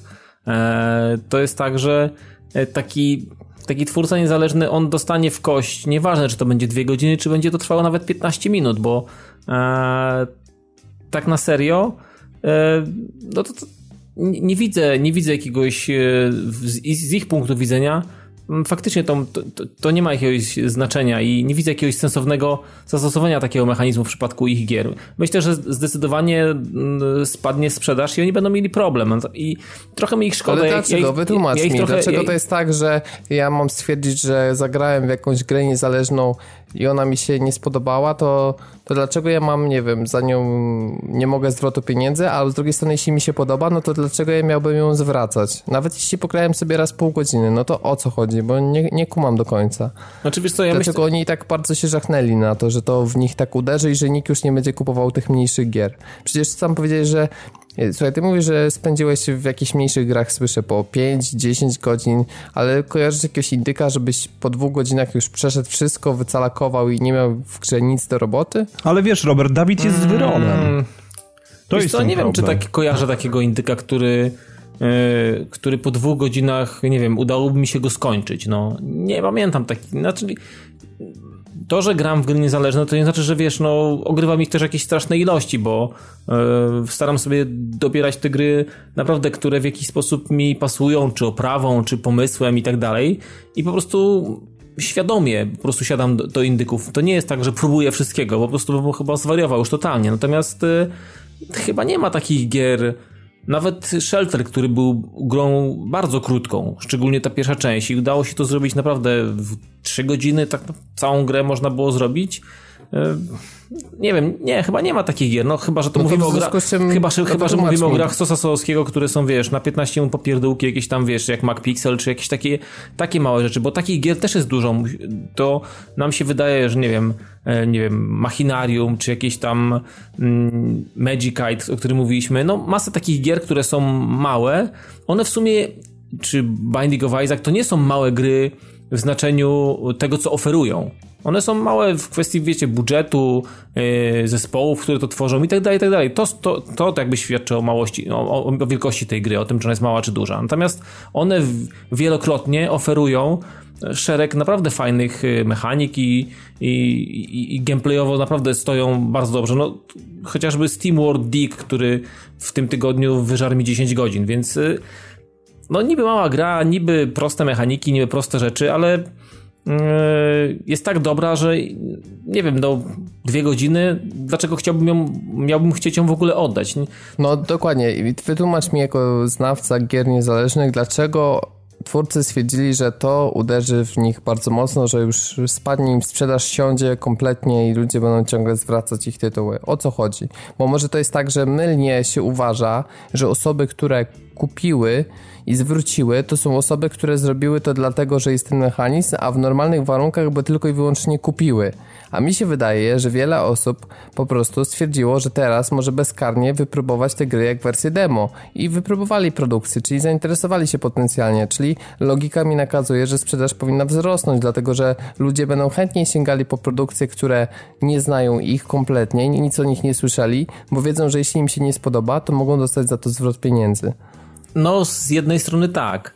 Ale wiesz co, mm, mm, wiesz co, nie wiem dlaczego jest akurat z ich strony jest jakiś taki mega oto krzyk, ale to jest, myślę, że to jest taki trochę mm, mechanizm analogiczny jak z piractwem. Jeżeli masz dostęp do wielu gier i możesz tak naprawdę zagrać we wszystko, e, co tylko, co tylko sobie zama, zama, zamarzysz i zażyczysz, to tak naprawdę okazuje się, że nie grasz w nic bo tu liźniesz, tu gryziesz, tu coś jeszcze zagrasz. Ale okej, okay, no ale, I, spoko, i myślę, że, ale dlaczego się wiesz, uważa, że gdybym y, miał dostęp tylko do kilku, to za każdym razem jak y, zanotuję to kupienie, to dlaczego ten twórca niezależny myśli, że gdyby tego mechanizmu y, zwrotu pieniędzy nie było, to że ja też bym kupił tę grę i zatrzymał. Bo to jest moim zdaniem błędne myślenie. Wiesz co, nie wiem, tak samo, to jest takie wiesz, moim zdaniem oni no. wpadli, masz rację, że to jest tak z piractwem, bo ja mam wrażenie, że twórcy niezależni to przy tej akcji zachowują się jak wydawcy duzi, którzy którzy twierdzą, że każda kopia piracka ściągnięta przez kogoś to jest strata jednego egzemplarza, który można byłoby opchnąć w sklepie. A wiem, że to jest kompletnie błędne myślenie, nie, bo no prawdopodobnie jasne. ta osoba, gdyby nie miała dostępu do torrentów, to ona by tej gry w sklepie nie kupiła w ogóle. I tak samo wydaje mi się, że tutaj może być taka sytuacja, że osoby, które po prostu nie miałyby możliwości testowania, takie produkcje by w ogóle się nią nie zainteresowały. Więc ja się trochę dziwię, powiem szczerze. Ja wiem, że może nie zgłębiam na tyle rynku gier niezależnych i może są jeszcze jakieś inne aspekty, których nie podjąłem, ale szczerze mówiąc, to tak e, analitycznie myśląc, no mnie to zastanawia, skąd się wzięła taka afera o to i dlaczego teraz wszyscy mówią, że system nie działa i koniecznie trzeba zmienić to w kontekście gier niezależnych. Wiesz, może mają tam jakąś inną jeszcze, jakąś ideologię. Może chodzi o to, żeby ludzie, wiesz, brali gry, kupowali i kończyli je przede wszystkim. A tu tak naprawdę może się okazać, że będzie mm, masę pobrań i masę zwrotów i ludzie nie ukończą gry. Wiesz, indie to jest stan umysłu, to są trochę inne, inne potrzeby, inaczej się patrzy na ten rynek i owszem, pieniądze są jak najbardziej ważne, bo ciężko e, być szczęśliwym człowiekiem, który e, produkuje fajne i tworzy ciekawe gry i z tego nie ma pieniędzy, bo to się kiedyś to, nie wiem, źródełko, z którego bierze te pieniądze i, żyje, płaci, nie wiem, rachunki, wynajmuje mieszkanie i tak dalej, posiada jakiś sprzęt, kupuje jakieś różnego rodzaju technologie, żeby to móc tworzyć, po prostu to nie jest tak, że to się po prostu ciągle gdzieś te pieniądze znajdują. Wydaje mi się, że jest to, musiałbym popytać kilka osób, e, które bardzo mocno w tym temacie siedzą i są twórcami gier i zapytać się, czy faktycznie to w jakikolwiek sposób e, godzi, albo zaprosimy na przykład Tomka Grochowiaka, żeby nam może to wyjaśnił, bo wiesz co, no w sumie trochę się z tym z tą zgodzę w, w tej kwestii, że teoretycznie z naszego punktu widzenia nie powinno być problemu i nie ma problemu, bo jeżeli sięgasz po coś i okazuje się, że to jest trafione, a wziąłeś na przykład chociażby to eksperymentalnie, a, a gdybyś musiał zapłacić, może w ogóle byś się nie zainteresował, a tak okazuje się, że wydałeś pieniądze, spodobało ci się, nie wiedziałeś, czy się spodoba, spodobało ci się i zostawiasz to i będziesz grał, więc tutaj tak naprawdę m, mm, może okazać się, że świadome zakupy gier niezależnych yy,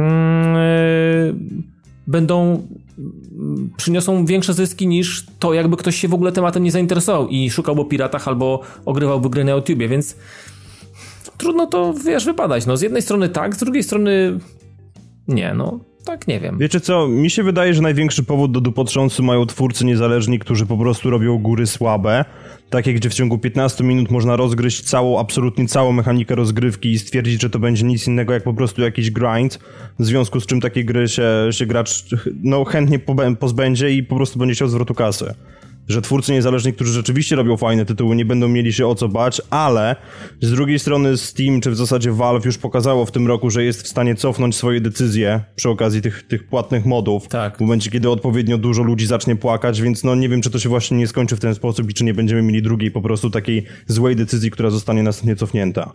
No to wiesz co, to sobie robią z gęby, sobie robią dupę, no bo tak, tak, tak szczerze powiedziawszy, e, to jest za, za duża instytucja, za za, za to, to nie jest byle mała mała firmka, która sprzedaje jakiś, to, gdzieś tam, wiesz, kilka gier w swoim sklepiku, takie decyzje powinny być podejmowane w oparciu o, nie wiem, o jakieś badania, jakieś ankiety. Co myślą o tym twórcy, tacy, sracy, z takiego kraju, z takiego kraju, robiący takie gry albo takie gry, jak to w ogóle oni widzą, a nie na zasadzie, wiesz, wymyślili sobie gdzieś tam siedząc przy jakimś okrągłym stole, wymyślili sobie jakąś wrzutę, jakąś funkcjonalność, która tak naprawdę nie została w jakiś sposób zweryfikowana i wybadana, wymacana e, na ludziach, którzy zasilają tak naprawdę sklep. Dzięki, dzięki tym twórcom oni, oni mają co żreć tak naprawdę i powinni tą decyzję opierać w oparciu o, o to, kto tworzy ten, ten sklep tak naprawdę i o, o tych, tych, którzy zasilają ten sklep i, i, i budują tą platformę,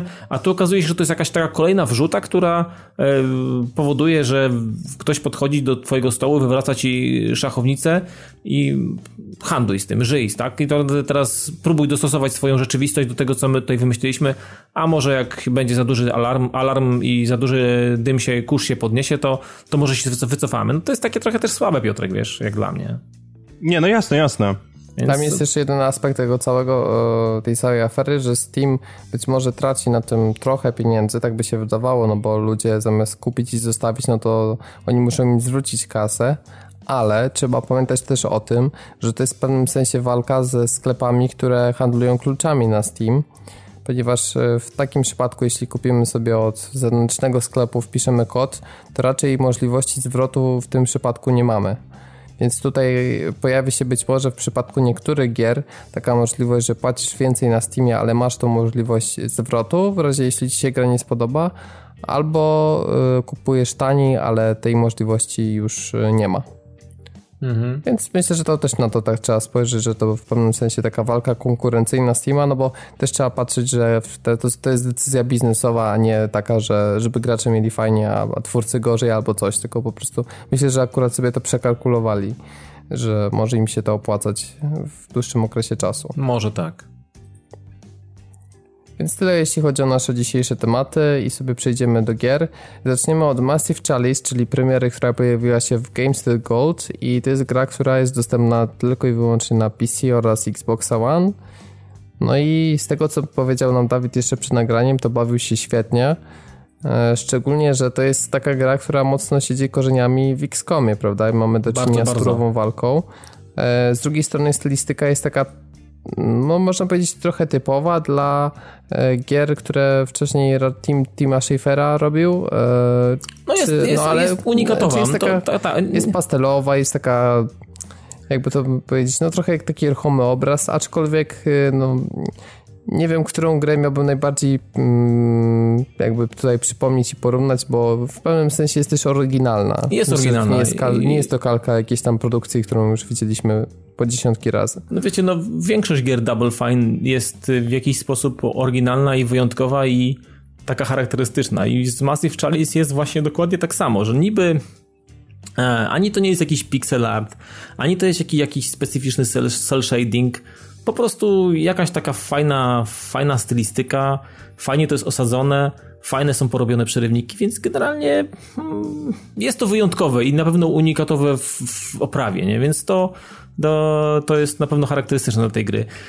Ale tak jak powiedziałeś, e, gra bardzo mocno czerpie z X-Koma, ale mm, e, jeżeli chodzi o takie typowe mechaniki samej walki, hmm, rozbudowa ba bazy, o ile tutaj w ogóle można powiedzieć, że jest jakaś baza e, i robienie różnego rodzaju badań e, dozbrajania swoich, e, swoich ludzi, no to, to są jakieś takie części, hmm, wiecie, wspólne, które, które mogą, mogą trochę łączyć. Natomiast e, główną taką rzeczą, która wyróżnia hmm, Massive Chalice od XCOMa to jest to, że w trakcie walki mm, nie ma systemu tarczy, więc nie mam takiego, mm, takiego elementu, że możemy się za czymś schować. Tutaj coś takiego nie istnieje w tej grze i mm, to jest rzecz, którą jeżeli ktoś dużo grał w XCOMa i w tego ostatniego, to tutaj, tutaj będzie musiał mm, trochę inaczej, mm, nie wiem, o, o, o, jakąś strategię przyjmować, bo nam tutaj nie chowamy się za niczym i y, ciągle latamy jakby po takiej otwartej, otwartej, otwartej mapie i no owszem, są jakieś tam jakieś drzewa, czy jakieś punkty w postaci jakichś, wiecie, skał, czy jakiegoś czegoś, za czym możemy się schować, natomiast nie ma tak, tak zwanego przyklejania się do, do ścian i chowania się za czymś, żebyśmy tam zyskali, nie wiem, 50% ochrony, tak jak było w XCOMie. Tutaj po prostu albo nas widać, albo nas nie widać i nie przyklejamy się do ścian. Więc to jest tak, to jest e, taka główna różnica e, w trakcie, w trakcie walki. No i nie ma takich perków typowych, Mm, X-komowych, jak chociażby Warta. Nie jesteśmy w stanie, mimo że na przykład nie zmarnowaliśmy sobie z punktów ruchu e, w, w, w jakiejś tam swojej turze, nie jesteśmy w stanie mm, zostawić e, naszego mm, żołnierza czy wojownika w trybie warty, że jeżeli, nie wiem, przeciwnik będzie się pojawiał w momencie, kiedy będzie wykonywał swoje ruchy i my go zobaczymy, to nie wiem, oddajemy strzał albo, nie wiem, podejmujemy jakąkolwiek akcję, nie? Więc tutaj się, tutaj się coś takiego nie dzieje. I, i ale taką naprawdę najważniejszą rzeczą e, w, w między, między XCOMem a Massive Chalice jest to, że mm, tutaj bardzo szybko płynie czas i tak jak byliśmy w stanie, nie wiem, tworząc ekipę w XCOMie, e, pięciu, czterech, pięciu żołnierzy od samego początku byliśmy w stanie przejść nimi mm, jeżeli ich nie stracimy przejść całą grę, tak tutaj to się nie uda. Eee, tu jest tak zrobione, to jest, to jest nawet całkiem, całkiem fajna i ciekawa mechanika, bo tu jest tak zrobione, że po prostu nasi nasi wojownicy się starzeją, po prostu umierają po prostu ze starości. To są normalnie ludzie, którzy mogą dożyć 40, a niektórzy mogą na przykład dożyć 80, więc e, e, to jest, e, to jest niesamowite, jak to jest, jak to jest zrobione i jak, jak to wpływa w ogóle na poczucie i na przywiązanie do, do, do tych do tych wojowników, których, e, nie wiem, kształcimy, nie wiem, szkolimy i tak dalej, dajemy im graty nowe, więc to jest bardzo fajne. A kolejną rzeczą, która jest naprawdę już mega, która mi się spodobała od samego początku, to, że e, zawieramy małżeństwa w ogóle. Znaczy, to nawet nie jest, nawet, znaczy małżeństwa, wiecie, takie e, typu kobieta, mężczyzna, spokojnie, jest to jest jak najbardziej logiczne, ale możemy też zawrzeć takie, wiecie, chłopak, chłopak, dziewczyna, dziewczyna, więc tutaj też takie związki. Oczywiście z tego nie będzie potomstwa i taką informację na początku od razu mamy e, e, podawaną, że szansa na dziecko zero. No, I nie ma możliwości adopcji. A czy adopcja. Taka jest adopcja, niepoprawna politycznie. Adopcja, adopcja jest, tylko że ona troszeczkę inaczej działa, bo mm, w momencie, kiedy, nie wiem, w naszej, w naszej głównej siedzibie nie są robione żadne mm, badania nad jakimiś y, wynalazkami, albo nie wiem, nie wykorzystujemy na przykład zebranych y, y, elementów z jakiegoś tam przeciwnika, tak jak było w XCOMie, trochę, trochę podobny mechanizm, że jeżeli wygramy jakiś pojedynek i zabijemy jakąś, jakąś grupę mm, potworów, no to wtedy mamy jakieś elementy pozyskane z tych, z tych ciał. No, warunek oczywiście trzeba wygrać pojedynek, żeby te, te rzeczy móc ze sobą zabrać do, do bazy. E, tak tutaj jest podobnie, tylko że mm, nie mamy tutaj surowców, tylko jest to liczone w sztukach, że jeżeli, nie wiem, zabiliśmy 15 jakichś tam mobków, to dzięki temu, że poznaliśmy jakby ich, e, ich skład, ich budowę ciała i tak dalej, tak dalej, to jak są, jak są skonstruowane, możemy dzięki temu odkryć jakiś nie wiem, jakąś broń dzięki temu, albo jakiś pancerz, albo jakiś tam tych, tych, tych y, wynalazków jest naprawdę od groma, naprawdę chyba nawet więcej niż, niż w XCOMie, chociaż no, może być porównywalnie, w każdym razie jest tego naprawdę bardzo dużo. E, e, natomiast jeżeli chodzi o o te małżeństwa, bo to jest bardzo, bardzo, bardzo ważny element. E, w XCOMie było tak, że można było sobie, nie wiem, rekrutować. Jeżeli mieliśmy pieniądze, mogliśmy rekrutować jakiś tam kolesi i, i po prostu mieliśmy ich klasy, oni zdobywali jakiś tam level i, mm, i jakaś klasa im była przypisywana. Na początku jest jakimś tym rekrutem żółtodziobem i jest, nie wiem, od snajpera zaczyna i, i potem przy, przypina, przypinają mu jakąś klasę. Tu jest tak, że jeżeli mm, zawrzemy małżeństwo z jakiegoś tam rodu, jednego i drugiego. Te, te rody się od siebie różnią, bo nie jest, jest ród hunterów na przykład, czy jakichś tam alchemików. Jeżeli ich skrzyżujemy, dojdzie do, jakiejś tam, do jakiegoś małżeństwa i urodzi się dziecko, to mamy informację, że e, nie wiem, powstanie jakiś, jakiś nowy, nowy gatunek wojownika. To jest tak, do, do których my normalnie nie mamy dostępu. Nie jesteśmy w stanie ich rekrutować i tak dalej, więc to jest, to jest naprawdę świetnie zrobione i, i tworzą nam się jakby nowe, nowe klasy wojowników, tak, tak szczerze powiedziawszy. I to jest, e, to, jest, to jest fajnie zrobione. Oczywiście, jak się rodzi dziecko, na, mamy na osi czasu. Ten czas naprawdę zapieprza bardzo szybko, bo to jest tak, że rok przelatuje w ciągu, nie wiem, dwóch sekund. Cała kampania w ogóle jest rozpisana na osi czasu na 300 lat i w ogóle jest tak, że musimy wytrzymać w ogóle 300 lat przed napływem tych po prostu e, tych złych mocy i tych, tych po prostu złych kolesi e, na, naszą, na nasze królestwo.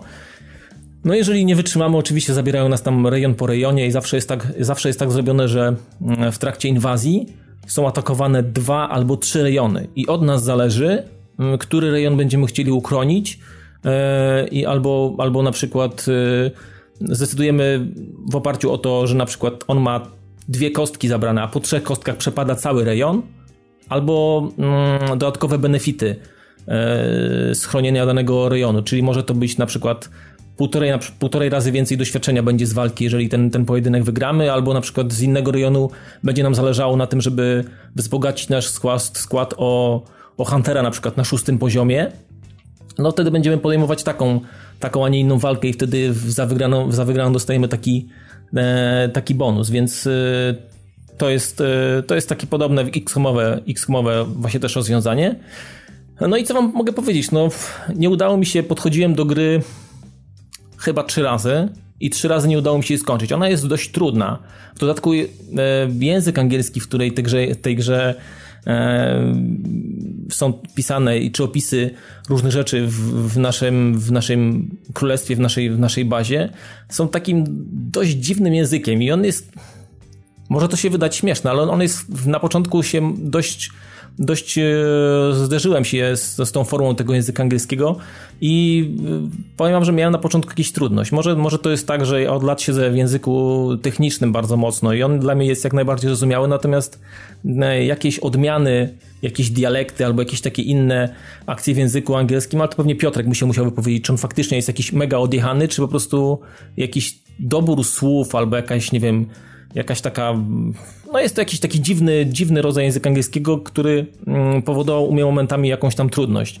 Więc... Ja podejrzewam, że nie widziałem żadnych gameplay i tak dalej, ale wydaje mi się, że on po prostu może niebezpiecznie zajeżdżać jakimś staroangielskim i to stąd po prostu wynika. Wiesz co, to nie jest właśnie, to, to nie jest taki typowy język y, mm, angielski, który jest stosowany w grach wideo, bo mm, umówmy się, gry wideo też y, posługują się jakimś tam, w jakąś tam wersją, edycją tego języka angielskiego. On jest na tyle zrozumiały, stosowany jest od lat i, i on jest dosyć prosty. I tak jak XCOMa rozumiało się e, bez problemu, opis, nie wiem, badań, opis y, mobków, które są spotykane, opis fabuły i tak dalej, tak powiem wam tutaj osobiście, E, to nie był taki, jakiś taki mega problem, ale wymagało ode mnie jakiegoś tam mega skupienia i czasami sięgnięcia do jakiegoś e, słownika, żeby zobaczyć, co dana, dane słowo znaczy, albo jakaś tam sentencja, e, o, o czym ona opisuje. Bo oprócz tego, że mamy te walki, to na osi czasu pojawiają się czasami różnego rodzaju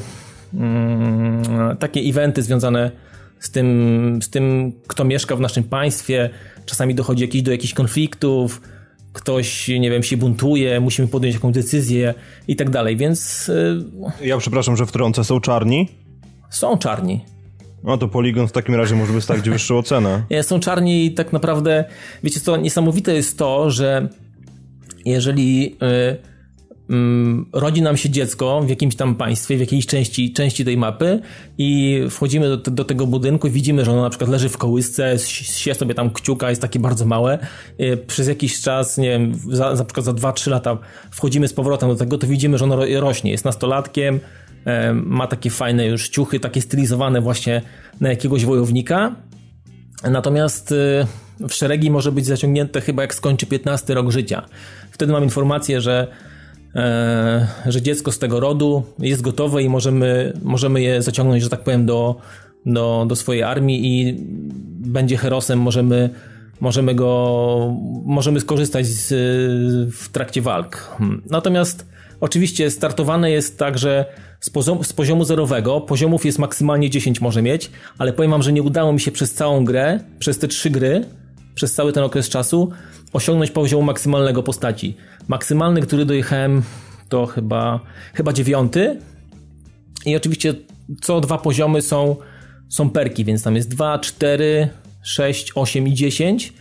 E, tak jak w XCOMie, trzeba co, co drugi poziom wybrać e, konkretną umiejętność, bo są dwie do wyboru, a kolejny poziom jest zawsze jedna, więc e to taki też podobny, bardzo mocno XCOMowy. Zresztą jak gadaliśmy chyba dwa tygodnie temu, czy tydzień temu, e, to zresztą mówiłem, że oglądałem kilka różnych materiałów, jak oni tworzyli tą grę, jak bardzo mocno stylizowali się i wzorowali się na, na mechanikach XCOMowych i tu widać, że bardzo dużo zostało zapożyczonych. Natomiast zdecydowanie bardziej skomplikowane są walki i um, strategie, które trzeba e, planować, bo tutaj nasze postacie giną, raz, że giną tak w XCOMie permanentnie, a dwa, że mm, ciężko jest, mm, że tak powiem, levelować te postacie. One tak nie levelują szybko jak w Geekscomie, więc tutaj każda strata jest bolesna i tak naprawdę nie, ma, nie, ma, nie mamy w szeregach osoby, którą,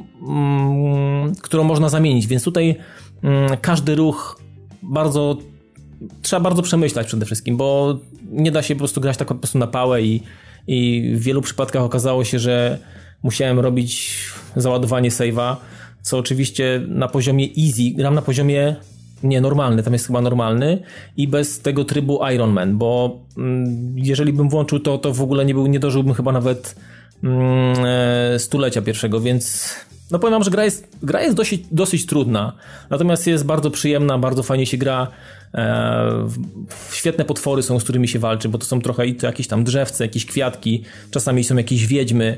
To zależy od jakim, w, jakim, w jakim rejonie mm, podejmujemy walkę. Czasami są jakieś, nie wiem, takie wybuchające samodestrukcyjnie w jakiś sposób e, potwory, które gdzieś tam rozwalają się, korodują i wtedy ten, te, te pole, to pole jest jak w jakiś sposób tam skażone. Są potwory, które w trakcie, jak nam, nie wiem, zada nam obrażenia, um, zabierają też nam doświadczenie, więc są w stanie na przykład zabrać nam na tyle dużo doświadczenia w trakcie walki, jeżeli nie ubijemy, że zabiorą nam też level, więc no tutaj na pewno jest bardziej skomplikowana ta walka niż w XCOMie. I w XCOMie można było iść na pałę i, i tak naprawdę rzadko mi się zdarzało, żeby przeładować save'a albo powtórzyć daną misję od nowa, bo, bo coś mi tam nie poszło. Tutaj regularnie, znaczy starałem się z tego nie korzystać, bo chciałem jak najwięcej zobaczyć jak gra, co gra oferuje dalej, jak się będzie po prostu starać ją po prostu przejść. No, e, no okazywało się, że trzy, przez trzy razy nie udało mi się tego skończyć. Zabrakło mi tam chyba 50 lat.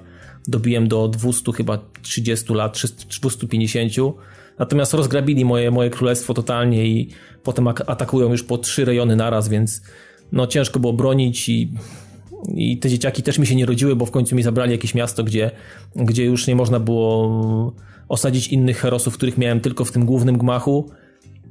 No i generalnie można rekrutować herosów jako, jako badanie, natomiast przez to powodujemy też zastój w rozwoju cywilizacji, nie wynajdujemy innych rzeczy, więc to są takie ciężkie wybory, że i to takie badania trwają na przykład 10 lat, no. Więc y, to trwa na przykład, nie 15-20 sekund i okazuje się, że nagle nie, nie osiągnęło się tego, tego badania, nie zrobiło się tego badania i zaatakowali nam jakieś dwa rejony, albo nie, nie zatrudniło się herosów przez te 10 lat, czy tam 12, no bo zaatakowali nas, nie było kim walczyć, trzeba było odpuścić i tak zwanego skipnąć walkę, tak samo jak w XCOMie, no ale to skutkuje tym, że e, teren jest oddawany bez walki i automatycznie jedno z trzech, jedna z trzech kostek jest zamalowana na korzyść wroga, więc no, myślę, że do tej gry spokojnie jeszcze będę wracał, szczególnie, że tego XCOMa nowego pewnie będzie można przez długi okres zapomnieć. E, natomiast Massive Chalice według mnie naprawdę bardzo dobra strategia i Czyli na, naprawdę, naprawdę można się na, na, na, długie godziny. Nie jest to gra płytka, jeśli chodzi nie, o mechanikę, nie, przynajmniej nie, z tego, co, co określiłeś. I, no i poza tym plusem jest to, że jeśli macie Golda, no to możecie ją pobrać bez opłat. Mhm, tak, tak. Premiera automatycznie yy, też wpadła dla tych, którzy mają Golda, mogą pobrać za friko, więc... A jeśli chodzi o sterowanie, wszystko wygodne, tak? To Świetnie, wszystko podpada, jest zrobione bardzo fajnie. Bardzo dużo podobnych... Przełączeń, zoomów kamery, obracania kamery, jak w XCOMie, więc jeżeli ktoś grał na, w, XCOMie, na, XCOMa na, na konsoli, e, czy grał w ogóle na padzie, no tutaj się odnajdzie bez problemu. Ja się, ja się odnalazłem jak, jak ryba w wodzie. Widać bardzo mocno, że czerpali garściami i podpatrywali tego, co zrobił e, Fraxis e, w ostatnim XCOMie, więc no, widać mocny taki zapach X-komowy jest, natomiast gra w ogóle nie przypomina stylistyką i tego, co się dzieje, jak jest osadzona, w jakim czasie jest osadzona jest, nie przypomina w ogóle X-koma. No i to zawieranie tych małżeństw i umieranie yy, i to, jak starzeją tak naprawdę w oczach. I wiecie co, czasami jest tak, że przed walką odpalam sobie jakąś walkę i widzę, że na przykład mam Huntera, taką kobietę, która ma na przykład 82 lata, ona już ma zmarszczki, e, jest e, trochę zniedołężniała, już nie biega na przykład po, po, polu walki tak jak miała 20 lat. Czasami jej się udaje chybić, bo już nie ma dobrego oka, mimo tego, że ma perki po, podokładane, mm, ma tam włączone, żeby lepiej strzelała z kuszy, no to mimo wszystko mm, potrafi spudłować i pudłuje częściej niż e, nawet żółtodzioby, których mam zatrudnionych do walki. Tak samo jest z alchemikami. Oni rzucają takimi butlami wybuchu, wybuchowymi, potrafią czasami tak rzucić, że sami się zabiją, więc y, no ale akurat wiadomo, że on i tak nie dociągnie do następnej walki, więc jak umrze w trakcie takiego pojedynku, to w sumie straty dużej nie ma, bo on i tak by wyciągnął kopyta za 10 lat, więc to jest bardzo, bardzo szybko. Natomiast jest to niewątpliwie ciekawa rzecz i to się w, i i na początku miałem tak, że jak w XCOMie, że przywiązałem się do swoich ludzi na początku, których zatrudniłem, wykształciłem ich fajnie, a on po prostu oni poumierali mi. Nie, nie tyle straciłem ich w walce, to po prostu poumierali mi i po prostu mm, musiałem się z nimi pożegnać, więc e, nie da się przywiązać tutaj do żadnego e, naszego herosa, którego mamy w, w teamie, bo po prostu oni umierają jak ludzie, no. Więc to jest, to jest naprawdę niewątpliwie ciekawa mechanika, bardzo fajnie to, bardzo to jest fajnie wplecione przede wszystkim, no. Dla mnie naprawdę dobra giera, no. To polecamy. Polecamy, no ja naprawdę. Tutaj łapka w górę. Trochę szkoda, że nie ma w, na PlayStation 4, bo pewnie prędzej czy później by też trafiło do plusa i na pewno bym po czymś takim przynajmniej ściągnął. Nie wiem, czy może aż kupię, ale tak dużo strategii turowych na konsolach nie ma, więc fajnie, że coś takiego z tego gatunku się pojawiło, choć e, jak wiemy, póki co tylko i wyłącznie na Xbox One. I PC. I PC, tak jeśli chodzi o konsolę, to konsolowy X póki co. Póki tak. A teraz sobie przejdziemy do innego Xa, ale PC-owego. Mm, no i gry, która trzeba przyznać, że strasznie dużo uwagi na sobie skupiła. I cały czas tak ogrywając ją mam wrażenie, że więcej niż na nią zasługuje. Nie dlatego, że to jest gra, która jest jakaś wybitnie zła czy niedorobiona, tylko po prostu to zresztą, jak wyjdzie z opisu, wydaje mi się, że media zajęły się tym po prostu dla samego faktu, żeby sobie nabić kliki e, i żeby porozmawiać znowu w coś, co na temat czegoś, co wchodzi w ramy politycznej poprawności. Jak wiemy, ostatnio Wiedźmin 3 dał się wtłoczyć w te ramy, niechcący, w sensie no, dyskusja na temat tego, czy czy Geralt nie mógł być na przykład czarny, albo czy e, nie wiem, więcej osób w świecie gry mogłoby być czarnoskórych.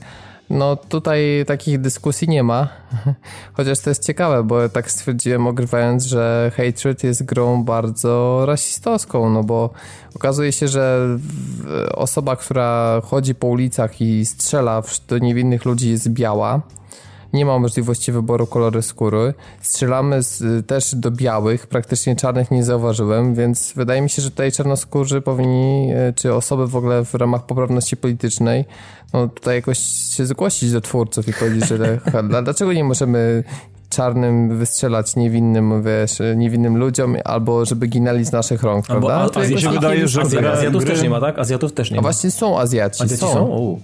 Tak. No to niedobrze, to już jest dyskryminacja, ale wydaje mi się, że gry w takim razie powinny otrzymywać więcej niż jedną ocenę. Powinna być ocena gry i ocena poprawności politycznej w grze. Ale zobacz, to jest hipokryzja, bo w Wiedźminie się mówi, że dlaczego nie ma, rozumiesz, innych kolorów, a ja się pytam, dlaczego nie ma w Hatred innych kolorów. No bo, a nie, bo Hatred jest czarno-biały, więc jakby Hatred jest czarno-biały, gdyby teraz... No ale dobrze, no to właśnie... to nadal się w, w paletę barew wpisuje mimo wszystko. No w sumie tak, ale wiecie co, ten, ten, ten bohater w ogóle z Hater, on trochę wygląda jak śmierć z Darksiders 2. Taki... Tak, ale on jest tak mega yy, karykaturalny pod, w, tym, w tym swoim takim wkurwieniu i że po prostu ma wszystkiego dosyć i że całe moje życie to jest po prostu jeden wielki żal i ból, teraz muszę wszystkich zabić, wszyscy to są pieprzone pizdy, teraz po prostu ja im pokażę, kto jest tutaj BDS, ultra hiper, nie? To wiecie, no to jest taka narracja, taka mhm. mega infantylna i to też jest właśnie argument taki, no ta gra absolutnie, bo chciałbym tak zacząć i skończyć teraz ten wątek taki poprawnościowy. Ta gra absolutnie nie jest e, światem realnym i e, śmieszą mi opinie, że ktoś tam e, grając w tę grę ma jakieś wyrzuty sumienia. I cierpi wewnętrznie, tak? Jest to zdarte. Tak, dokładnie, że, że po prostu no, że to jest nieswojo, że to jest okropne, że to jest krok wstecz dla całej branży gier. Nie, to jest po prostu twin stick shooter, czyli tak, taki rodzaj gry, w której chodzimy lewą gałką, celujemy prawą przy takim rzucie z góry, czy też izometrycznym. E, to zależy od Czyli gry. Dead Nation z ludźmi, tak? Bez zombie, no, tylko Tak, można, właśnie tak. No ja te, też bardzo często zastanawiałem się, że gdyby ta gra wyszła zamiast e, z ludźmi, to z zombiakami, to mm, prawdopodobnie mało kto by się nią zainteresował i by stwierdzili, że ona jest po prostu takim przeciętnym twin stick shooterem. Czyli co, mam rozumieć, że jakieś fronty ochrony zombie nie istnieją? No właśnie, no ja nie wiem, dlaczego przedstawiciele zombie nie zgłosili jakichś tutaj swoich przedstawiciele uwag. Przedstawiciele zombie, fuck, jak to brzmi. Masz legitymację członkowską? tak. Pokaż. Tak. No wiecie, ja, ja, ja zastanawiałem się, bo mm, nad tym, z czego wynika e, ten taki wielki szum i jak przypomnę sobie, ile złego wyrządziłem ludziom w różnych grach, ile wyrżnąłem niewinnych osób, chociażby na lotnisku w którejś części Call of Duty, no to... Powiem więcej, GTA 5 jest dużo bardziej brutalną grą niż Hatred, moim zdaniem. No właśnie, więc tak trochę Dlatego, wydaje mi się, że w Hatred rozmuchany. nie torturujemy ludzi, to po pierwsze. Ale w GTA, e... w GTA 5 topimy nawet ich, podtapiamy ich. E... Wyrywamy zęby komiderkami nawet. A to jest bardzo fajna scena. Tak. No tak, tylko teraz zaspoilowałeś niektórym, no ale w sumie kto nie grał w GTA 5, no to już No już trudno, chyba takich ludzi nie ma. No wiesz, niektórzy pececiarze jeszcze mogli tego nie doświadczyć. W ogóle ja ostatnio do mnie dotarło, że są ludzie, którzy pierwszy raz grają w GTA 5. Gdzie, no, gdzie dla nas to jest Nawet ja historia. Grałem, Kurde. Nawet ja grałem, fuck. Ale wracając do Hatred, to moim zdaniem ta gra nie jest brutalna z tego względu, że po pierwsze mamy ten widok oddalony, y, postać jest karykaturalna, ci ludzie, których zabijamy nie mają żadnych charakterów, tylko to są po prostu piksele, które, do których strzelamy i takie same zresztą powtarzają się często te postaci. A finishery są brutalne, są? Bo finishery niektóre oglądałem, to tak? Finishery nie są brutalne. Nie? Nie, po, w porównaniu z tym, jak zestawić e, z Mortalem, to to jest po prostu przedszkole kontra liceum, Aha, mniej więcej okay, tak, okay. tak na porównania. E, teraz tak, może ogólną mechanikę gry wyjaśnię. Jest to bardzo prosta rzecz. Mamy różnego rodzaju poziomy, część z nich jest bardziej otwartych, na przykład w mieście, ale są też takie poziomy bardziej liniowe, jak na przykład w kanałach czy w pociągu. I naszym zadaniem jest e, zabijanie ludzi, e, najczęściej niewinnych, ale pojawiają się także zastępy policji. Mm, no i tutaj już musimy uważać, bo część jest takich zwykłych z pistoletami, część jest z shotgunami, część to jest z oddziału SWAT i oczywiście ich jest najtrudniej ubić.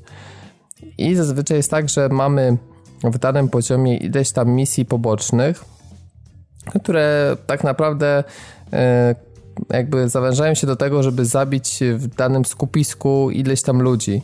I tutaj myślę, że byłoby coś, co bardzo Piotrkowi by się spodobało, bo jednym z takich questów pobocznych to było wyrżnięcie wszystkich ludzi, którzy przyszli na premierę iPhone'a i tam był taki ala Apple Store zrobiony i trzeba było wparować i wszystkich, rozumiesz, powycinać. Dobre, Wiesz dobre. co, wydaje mi się, że lepszą opcją byłoby ewentualne wycięcie w pięć ludzi, którzy przyszli na premierę nowego Priusa. No, to też byłoby dobre, ale... Apple Applem, ale...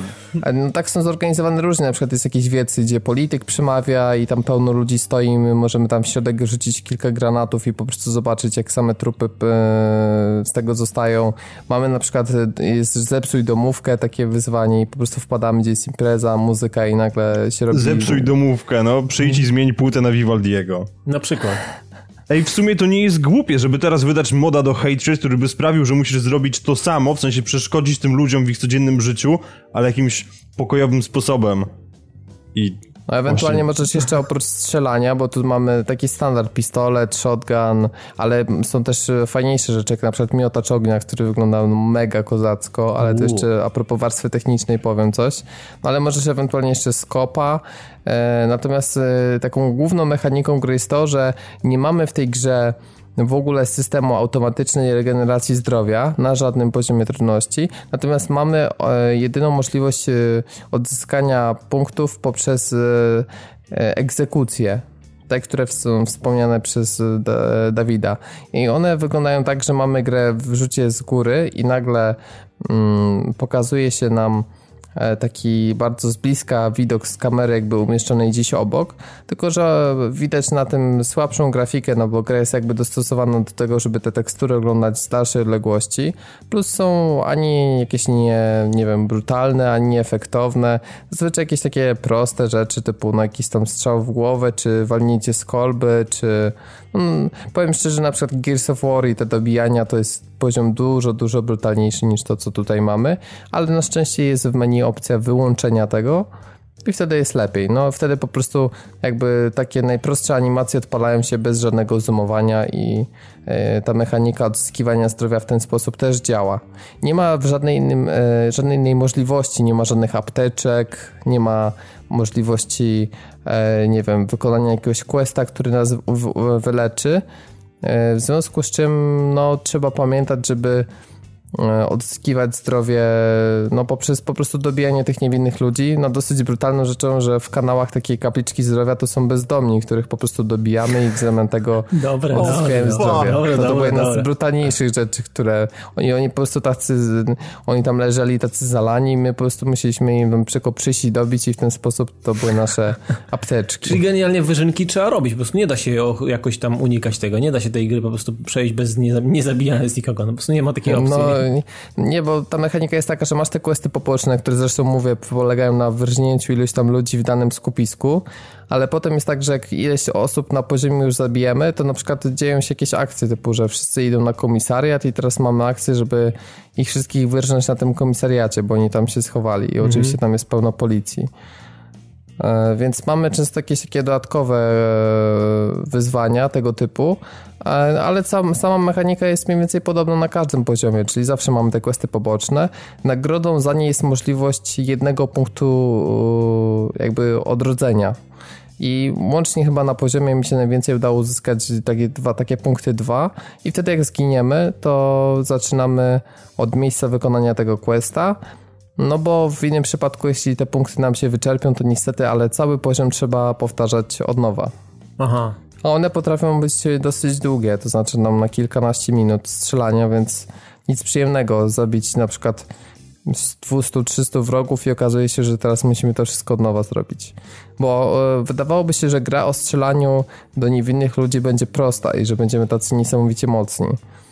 Do, tylko, że tej policji pojawia się naprawdę dużo i oni strzelają bardzo celnie, potrafią nas okrążyć y, szybko z różnych stron i w momencie, kiedy na przykład na już tym środkowym poziomie trudności trzech, czterech do nas zacznie strzelać w jednym momencie, to w ciągu dwóch sekund jesteśmy trupem. Ło, to szybko. To tam nie ma, no. nie ma zabawy.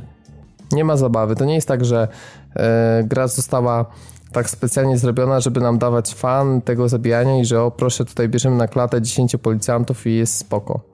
Mhm. Poza tym na najwyższych poziomach jest też problem z amunicją, bo e, jest jej mniej, wypada jej zdecydowanie mniej. Oczywiście jak strzelamy do niewinnych ludzi, to po pierwsze tak marnujemy amunicję, a po drugie tej amunicji od nich nie dostaniemy, bo tutaj animacja, e, amunicja nie rośnie na drzewach, tylko ona jest w jakichś takich sensownych punktach, gdzie mogą być. Zdarzają się ludzie, którzy mają przy sobie broń, ale to jest 1 na 15, załóżmy coś takiego. Aha. E, a no tak jedyną e, opcją to jest od policji. No tylko, że na przykład największość policjantów to ma albo e, zwykły pistolet, albo shotguna. No i teraz w momencie, kiedy mamy taki karabin szturmowy typowy, typu coś tam ala kałach, no to teraz jest kwestia taka, że ciężko będzie po chwili z amunicją do tego. Tak samo jeśli mamy na przykład miotacz ognia, to szybko nam się skończy i nasza siła rażenia drastycznie spada.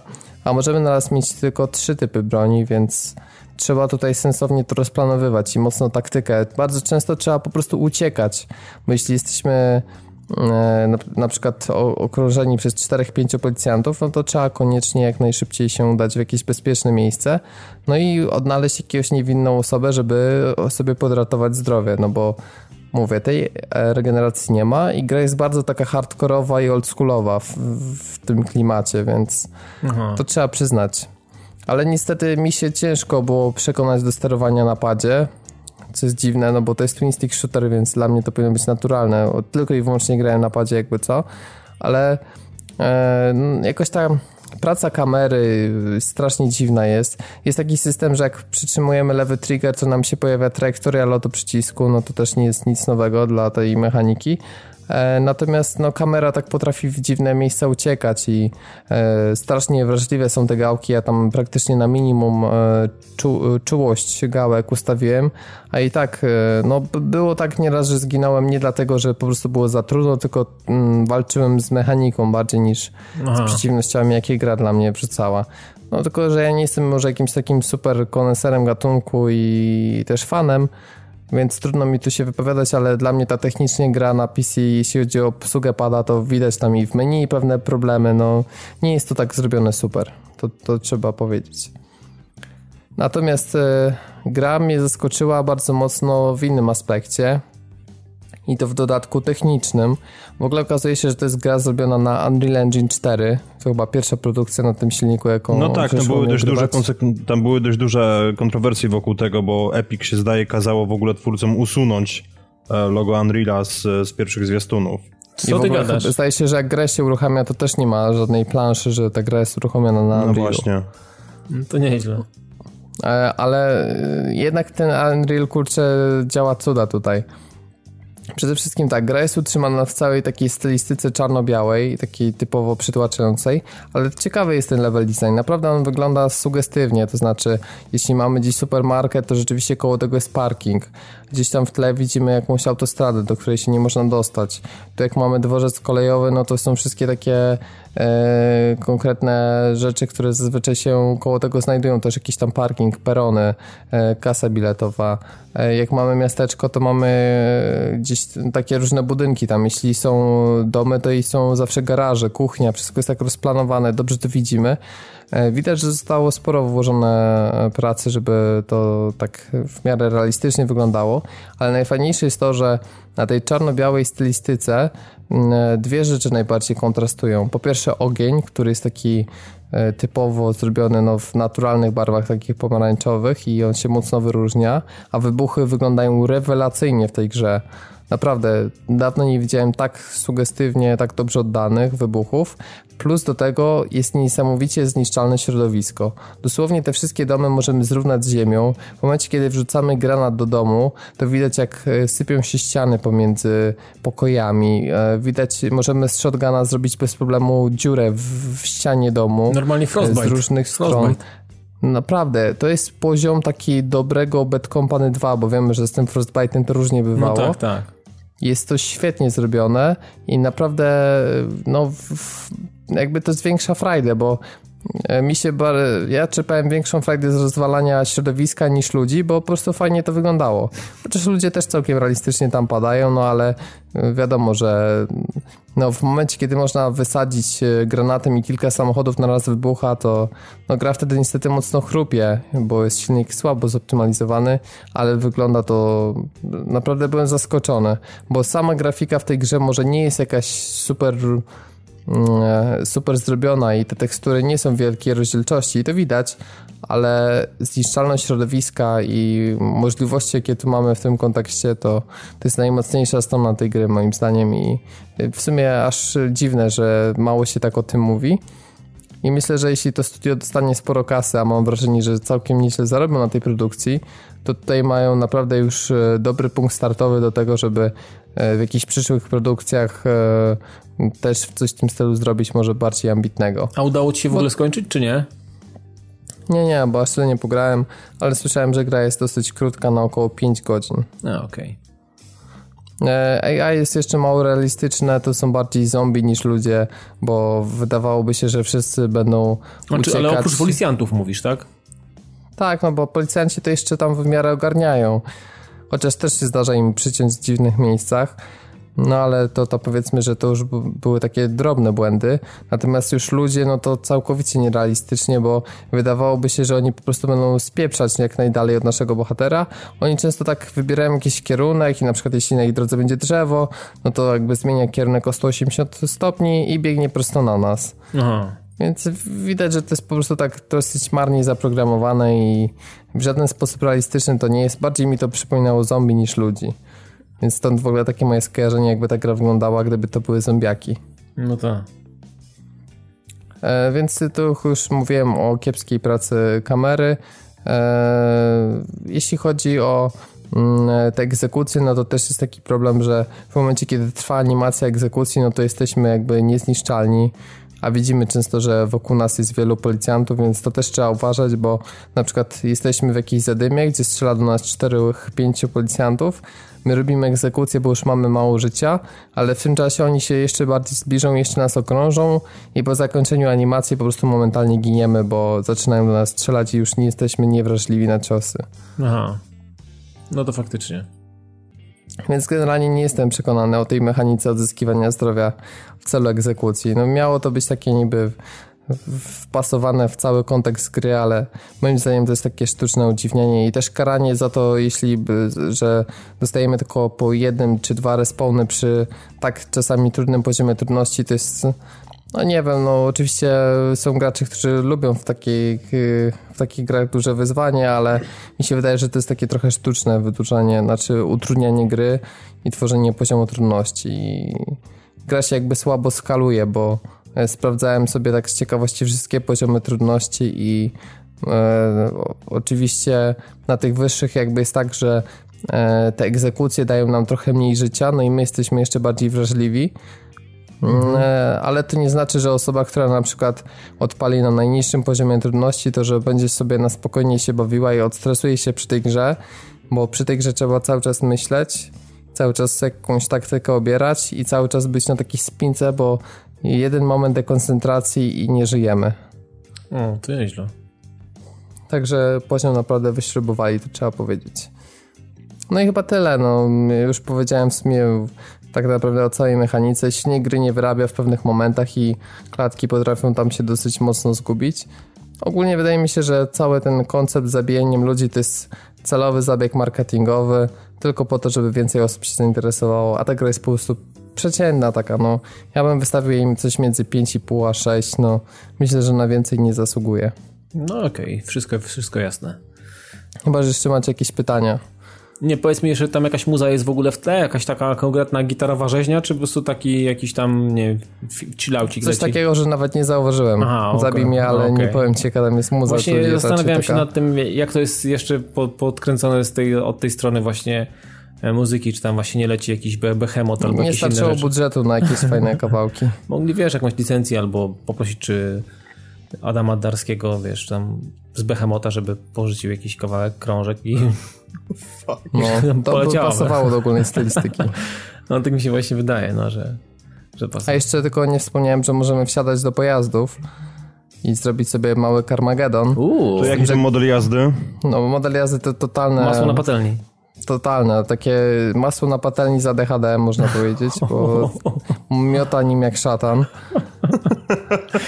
Ale y, jest bardzo stonowana ta mechanika, dlatego że błyskawicznie te pojazdy się niszczą. Jest tak samo jak w GTA zrobione, czyli najpierw widzimy płomienie przy kołach i potem e, mamy kilka sekund na to, aż samochód całkiem wybuchnie, a wybuchnąć potrafi bardzo szybko, więc jeśli nie wsiadamy do jakiejś ciężarówki e, od po słocie na przykład, która jest lekko pancerzona, no to tak naprawdę z reguły jest kilka sekund i już nam się pali wóz i musimy wysiadać. Czyli po prostu gra jest widocznie, to jest tylko taki bajer, e, no, no w sumie szkoda, bo nie został wykorzystany na przykład taki potencjał, żeby jakoś łączyć, załóżmy, że nie wiem, jakoś na samochód policyjny podkładamy bomby, że wjeżdżamy w ścianę budynku, detonujemy. No, mhm. takich mechanik w tej grze brakuje, ona jest dosyć płytka i to widać, że on się znudzi. I po prostu po którymś razie, jak już czy powtarzamy poziom, czy przechodzimy kolejny, no to tej różnorodności dosyć szybko zaczyna brakować. Czyli zdecydowanie gra na raz, nie? Tak, absolutnie. Po jednym przejściu nie będziesz miał żadnej motywacji, bo tu nie ma koopa, nie ma żadnego jakiegoś systemu wyzwań. E, po prostu przejdziesz raz i już będziesz tak zmęczony mechaniką, że będziesz miał dość. Kumam. Więc ja w premierowej cenie, która wynosi 16-66 euro, widziałem na Steamie, to tej gry nie polecam. Myślę, że jak będzie w jakichś bandlach dodawanych, e, tak, tak po prostu jako ciekawostka, no to tylko i wyłącznie dlatego, ale na pewno nie warto dla niej wydawać tam tych kilkudziesięciu złotych, bo, bo widać, że to jest tylko kwestia zrobienia po prostu szumu na takiej mechanice i kontrowersyjnej i to wszystko. Ale wiesz, Jasne. to trudno jest sobie wyobrazić bundle, w którego składzie mogłoby się znaleźć Hatred. No dlaczego nie? Postal 2, jeszcze coś tam można by dorzucić. Manhunt. Manhunt, dokładnie. No i, i robisz takiego tripla. Humble Bundle, to by było doskonałe. Humble Bundle z Hatred, no.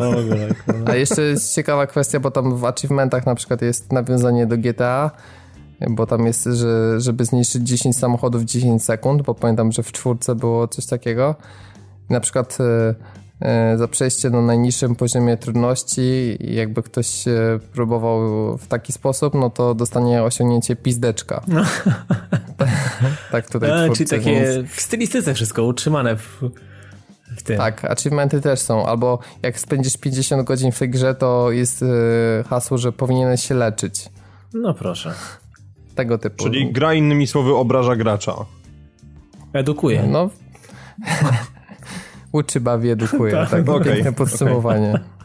Natomiast jakoś nie miałem ochoty po tym wszystkim wyjść i albo nie włączyła się we mnie jakaś taka nienawiść do ludzi, że teraz to wszystko nie ma sensu, że najlepiej to jakoś, tak jak główny bohater, całe życie chciałem zginąć brutalnie. No jakoś nie, także... Nie zapaliła cię taka lampka, mówisz? Nie, ta gra nie wywołuje agresji. Jest tak karykaturalna w swojej takiej eskalacji przemocą, że nawet mroczna stylistyka do tego, tego nie zmienia. Jeśli ktoś potraktuje tę grę na serio i uważa, że. To powinien się mm, leczyć. Dokładnie, naprawdę powinien się leczyć i jestem przekonany, że to będzie ulubiony tytuł po GTA, tak przejmie pałeczkę takiego tytułu, który gracze będą znaczy ludzie niezwiązani z grami będą wskazywać, że no tak wyglądają gry wideo, to jest właśnie bezsensowna przemoc. Wreszcie ja mają widzę, tytuł, ja który, prostu... bo zawsze w GTA ktoś może powiedzieć, że jeśli sobie zgodnie z przepisami zatrzymuje się na światłach, no a tutaj w tej grze raczej, e, raczej takich akcji zrobić nie można, bo to tylko można zabijać niewinnych, więc jest argument idealny dla przeciwników gier. Ja już widzę, że ten tytuł prawdopodobnie znajdzie się na świeczniku jakiegoś Fox News albo czegoś innego, jakiejś telewizji śniadaniowej albo innych pierdół tego typu i wszyscy Natomiast ci doskonale, doskonale wybieleni Amerykanie po prostu będą, będą zdruzgotani tym, co się dzieje i będą spychali po prostu winę za wszelkie klęski na świecie właśnie na Hatred, albo na Ale to, że Twitch zablokował streamowanie tej gry, to w kontekście tego, jak ona wygląda, to jest po prostu tak śmieszne i żałosne, że aż szkoda Ale to może po prostu pokazywać, że Twitch tak na dobrą sprawę nie zgłębił, nie zgłębił tutaj tematu i wiesz, i ponieważ się rozpę... zaczął się powoli rozpętywać jakiś shitstorm, to stwierdzili, zagrajmy bezpiecznie, zbanujmy to, nie widząc nawet innego gameplayu, no, także... Tak, tak nie, do, nie, dostali, nie dostali promek na czas. no, ogólnie to ja nie wiem, czy kwestia przyznania tej grze, tej kategorii adult only, e, to czy też to nie było takie na wyrost. Jasne. Bo gra nie wyróżnia się, mówię, no jeśli ktoś grał w Postala, to ja pamiętam, że ta gra była o wiele, wiele bardziej brutalna, Mortal Kombat bardziej brutalny, GTA bardziej brutalny, Manhunt nie wspominając, e, także absolutnie to nie jest żadne podniesienie brutalności. Ja pamiętam jeszcze taką bardzo fajną grę strategiczną, turówkę, Rezerwowe psy, polską, polską grę, bardzo fajna, też taka mocno odjechana, łącznie z wciąganiem amfy do nosa, więc to grubo. A tam było jakieś powiązanie z filmem Tarantino, przepraszam, tak, bo tak, tak tytuł... Tak, tak, tak. tak, A, tak. Tam, był, okay. tam był taki ala Vincent Vega. O proszę. Taki... I Michael Madsen podkładał głos? Wiesz co, nie wiem, ale no, to... No, pewnie nie. Pewnie jakiś rusek z bazaru, ale... Stara gra i dawno w to grałem, ale było coś takiego. To powiedzmy o nowych grach, które no pojawią się w najbliższym tygodniu. E, będzie to The Elder Scrolls Online, Tamriel Unlimited. Pojawi się 9 czerwca na konsolach, ale też na PC. To jest e, tam dopakowana wersja gry MMO, także zobaczymy jak The Elder Scrolls się sprawdzi w tej mechanice. Gra miała średnie recenzje na konsolach, ale przepraszam na PC, ale no podobno jest tam sporo zmian. Ale to teraz przeszło, przepraszam, w model free to play, czy nie? E, nie, to jest model buy to play. Aha, w ten Czyli sposób. tam 200 zł w pudełku, ale abonamentu już potem nie ma. Jasne. E, 10 czerwca startuje Kolat, e, o którym mam nadzieję, że uda nam się niedługo powiedzieć, e, bo gra zapowiada się całkiem dobrze, pojawiły się już pierwsze recenzje. E, Też polska gra, także jak widzimy mamy urodzaj. W krótkim czasie naprawdę wiele tych polskich produkcji i mam nadzieję, że cały czas się będzie o nas mówiło. W myśl zasady nieważne jak się mówi, ważne, że się mówi. E, I 12 czerwca e, Lego Jurassic World, czyli kolejna licencja w świecie klocków. Gra numer 5000. Ja już nie wiem ile na tej generacji tych Lego wyszło. To jest taśmociąg po prostu. No, w ogóle co miesiąc jakieś Lego się pojawia.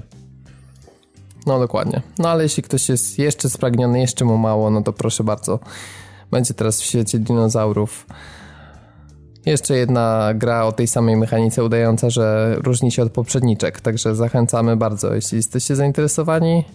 A jeśli nie, to zachęcamy Was do odwiedzenia padtv.pl, e, naszego Facebooka i grupy, która się tam znajduje. A także jesteśmy na Twitterze, w Red Rocket Network i w Radiu GRM. Ja już bardzo Wam dziękuję za przesłuchanie tego odcinka. Nazywam się Robert Fiałkowski, e, a ze mną był dzisiaj Dawid Maron Dzięki i do usłyszenia. i Piotrek Mocelewski. Dzięki wielki za uwagę, hej.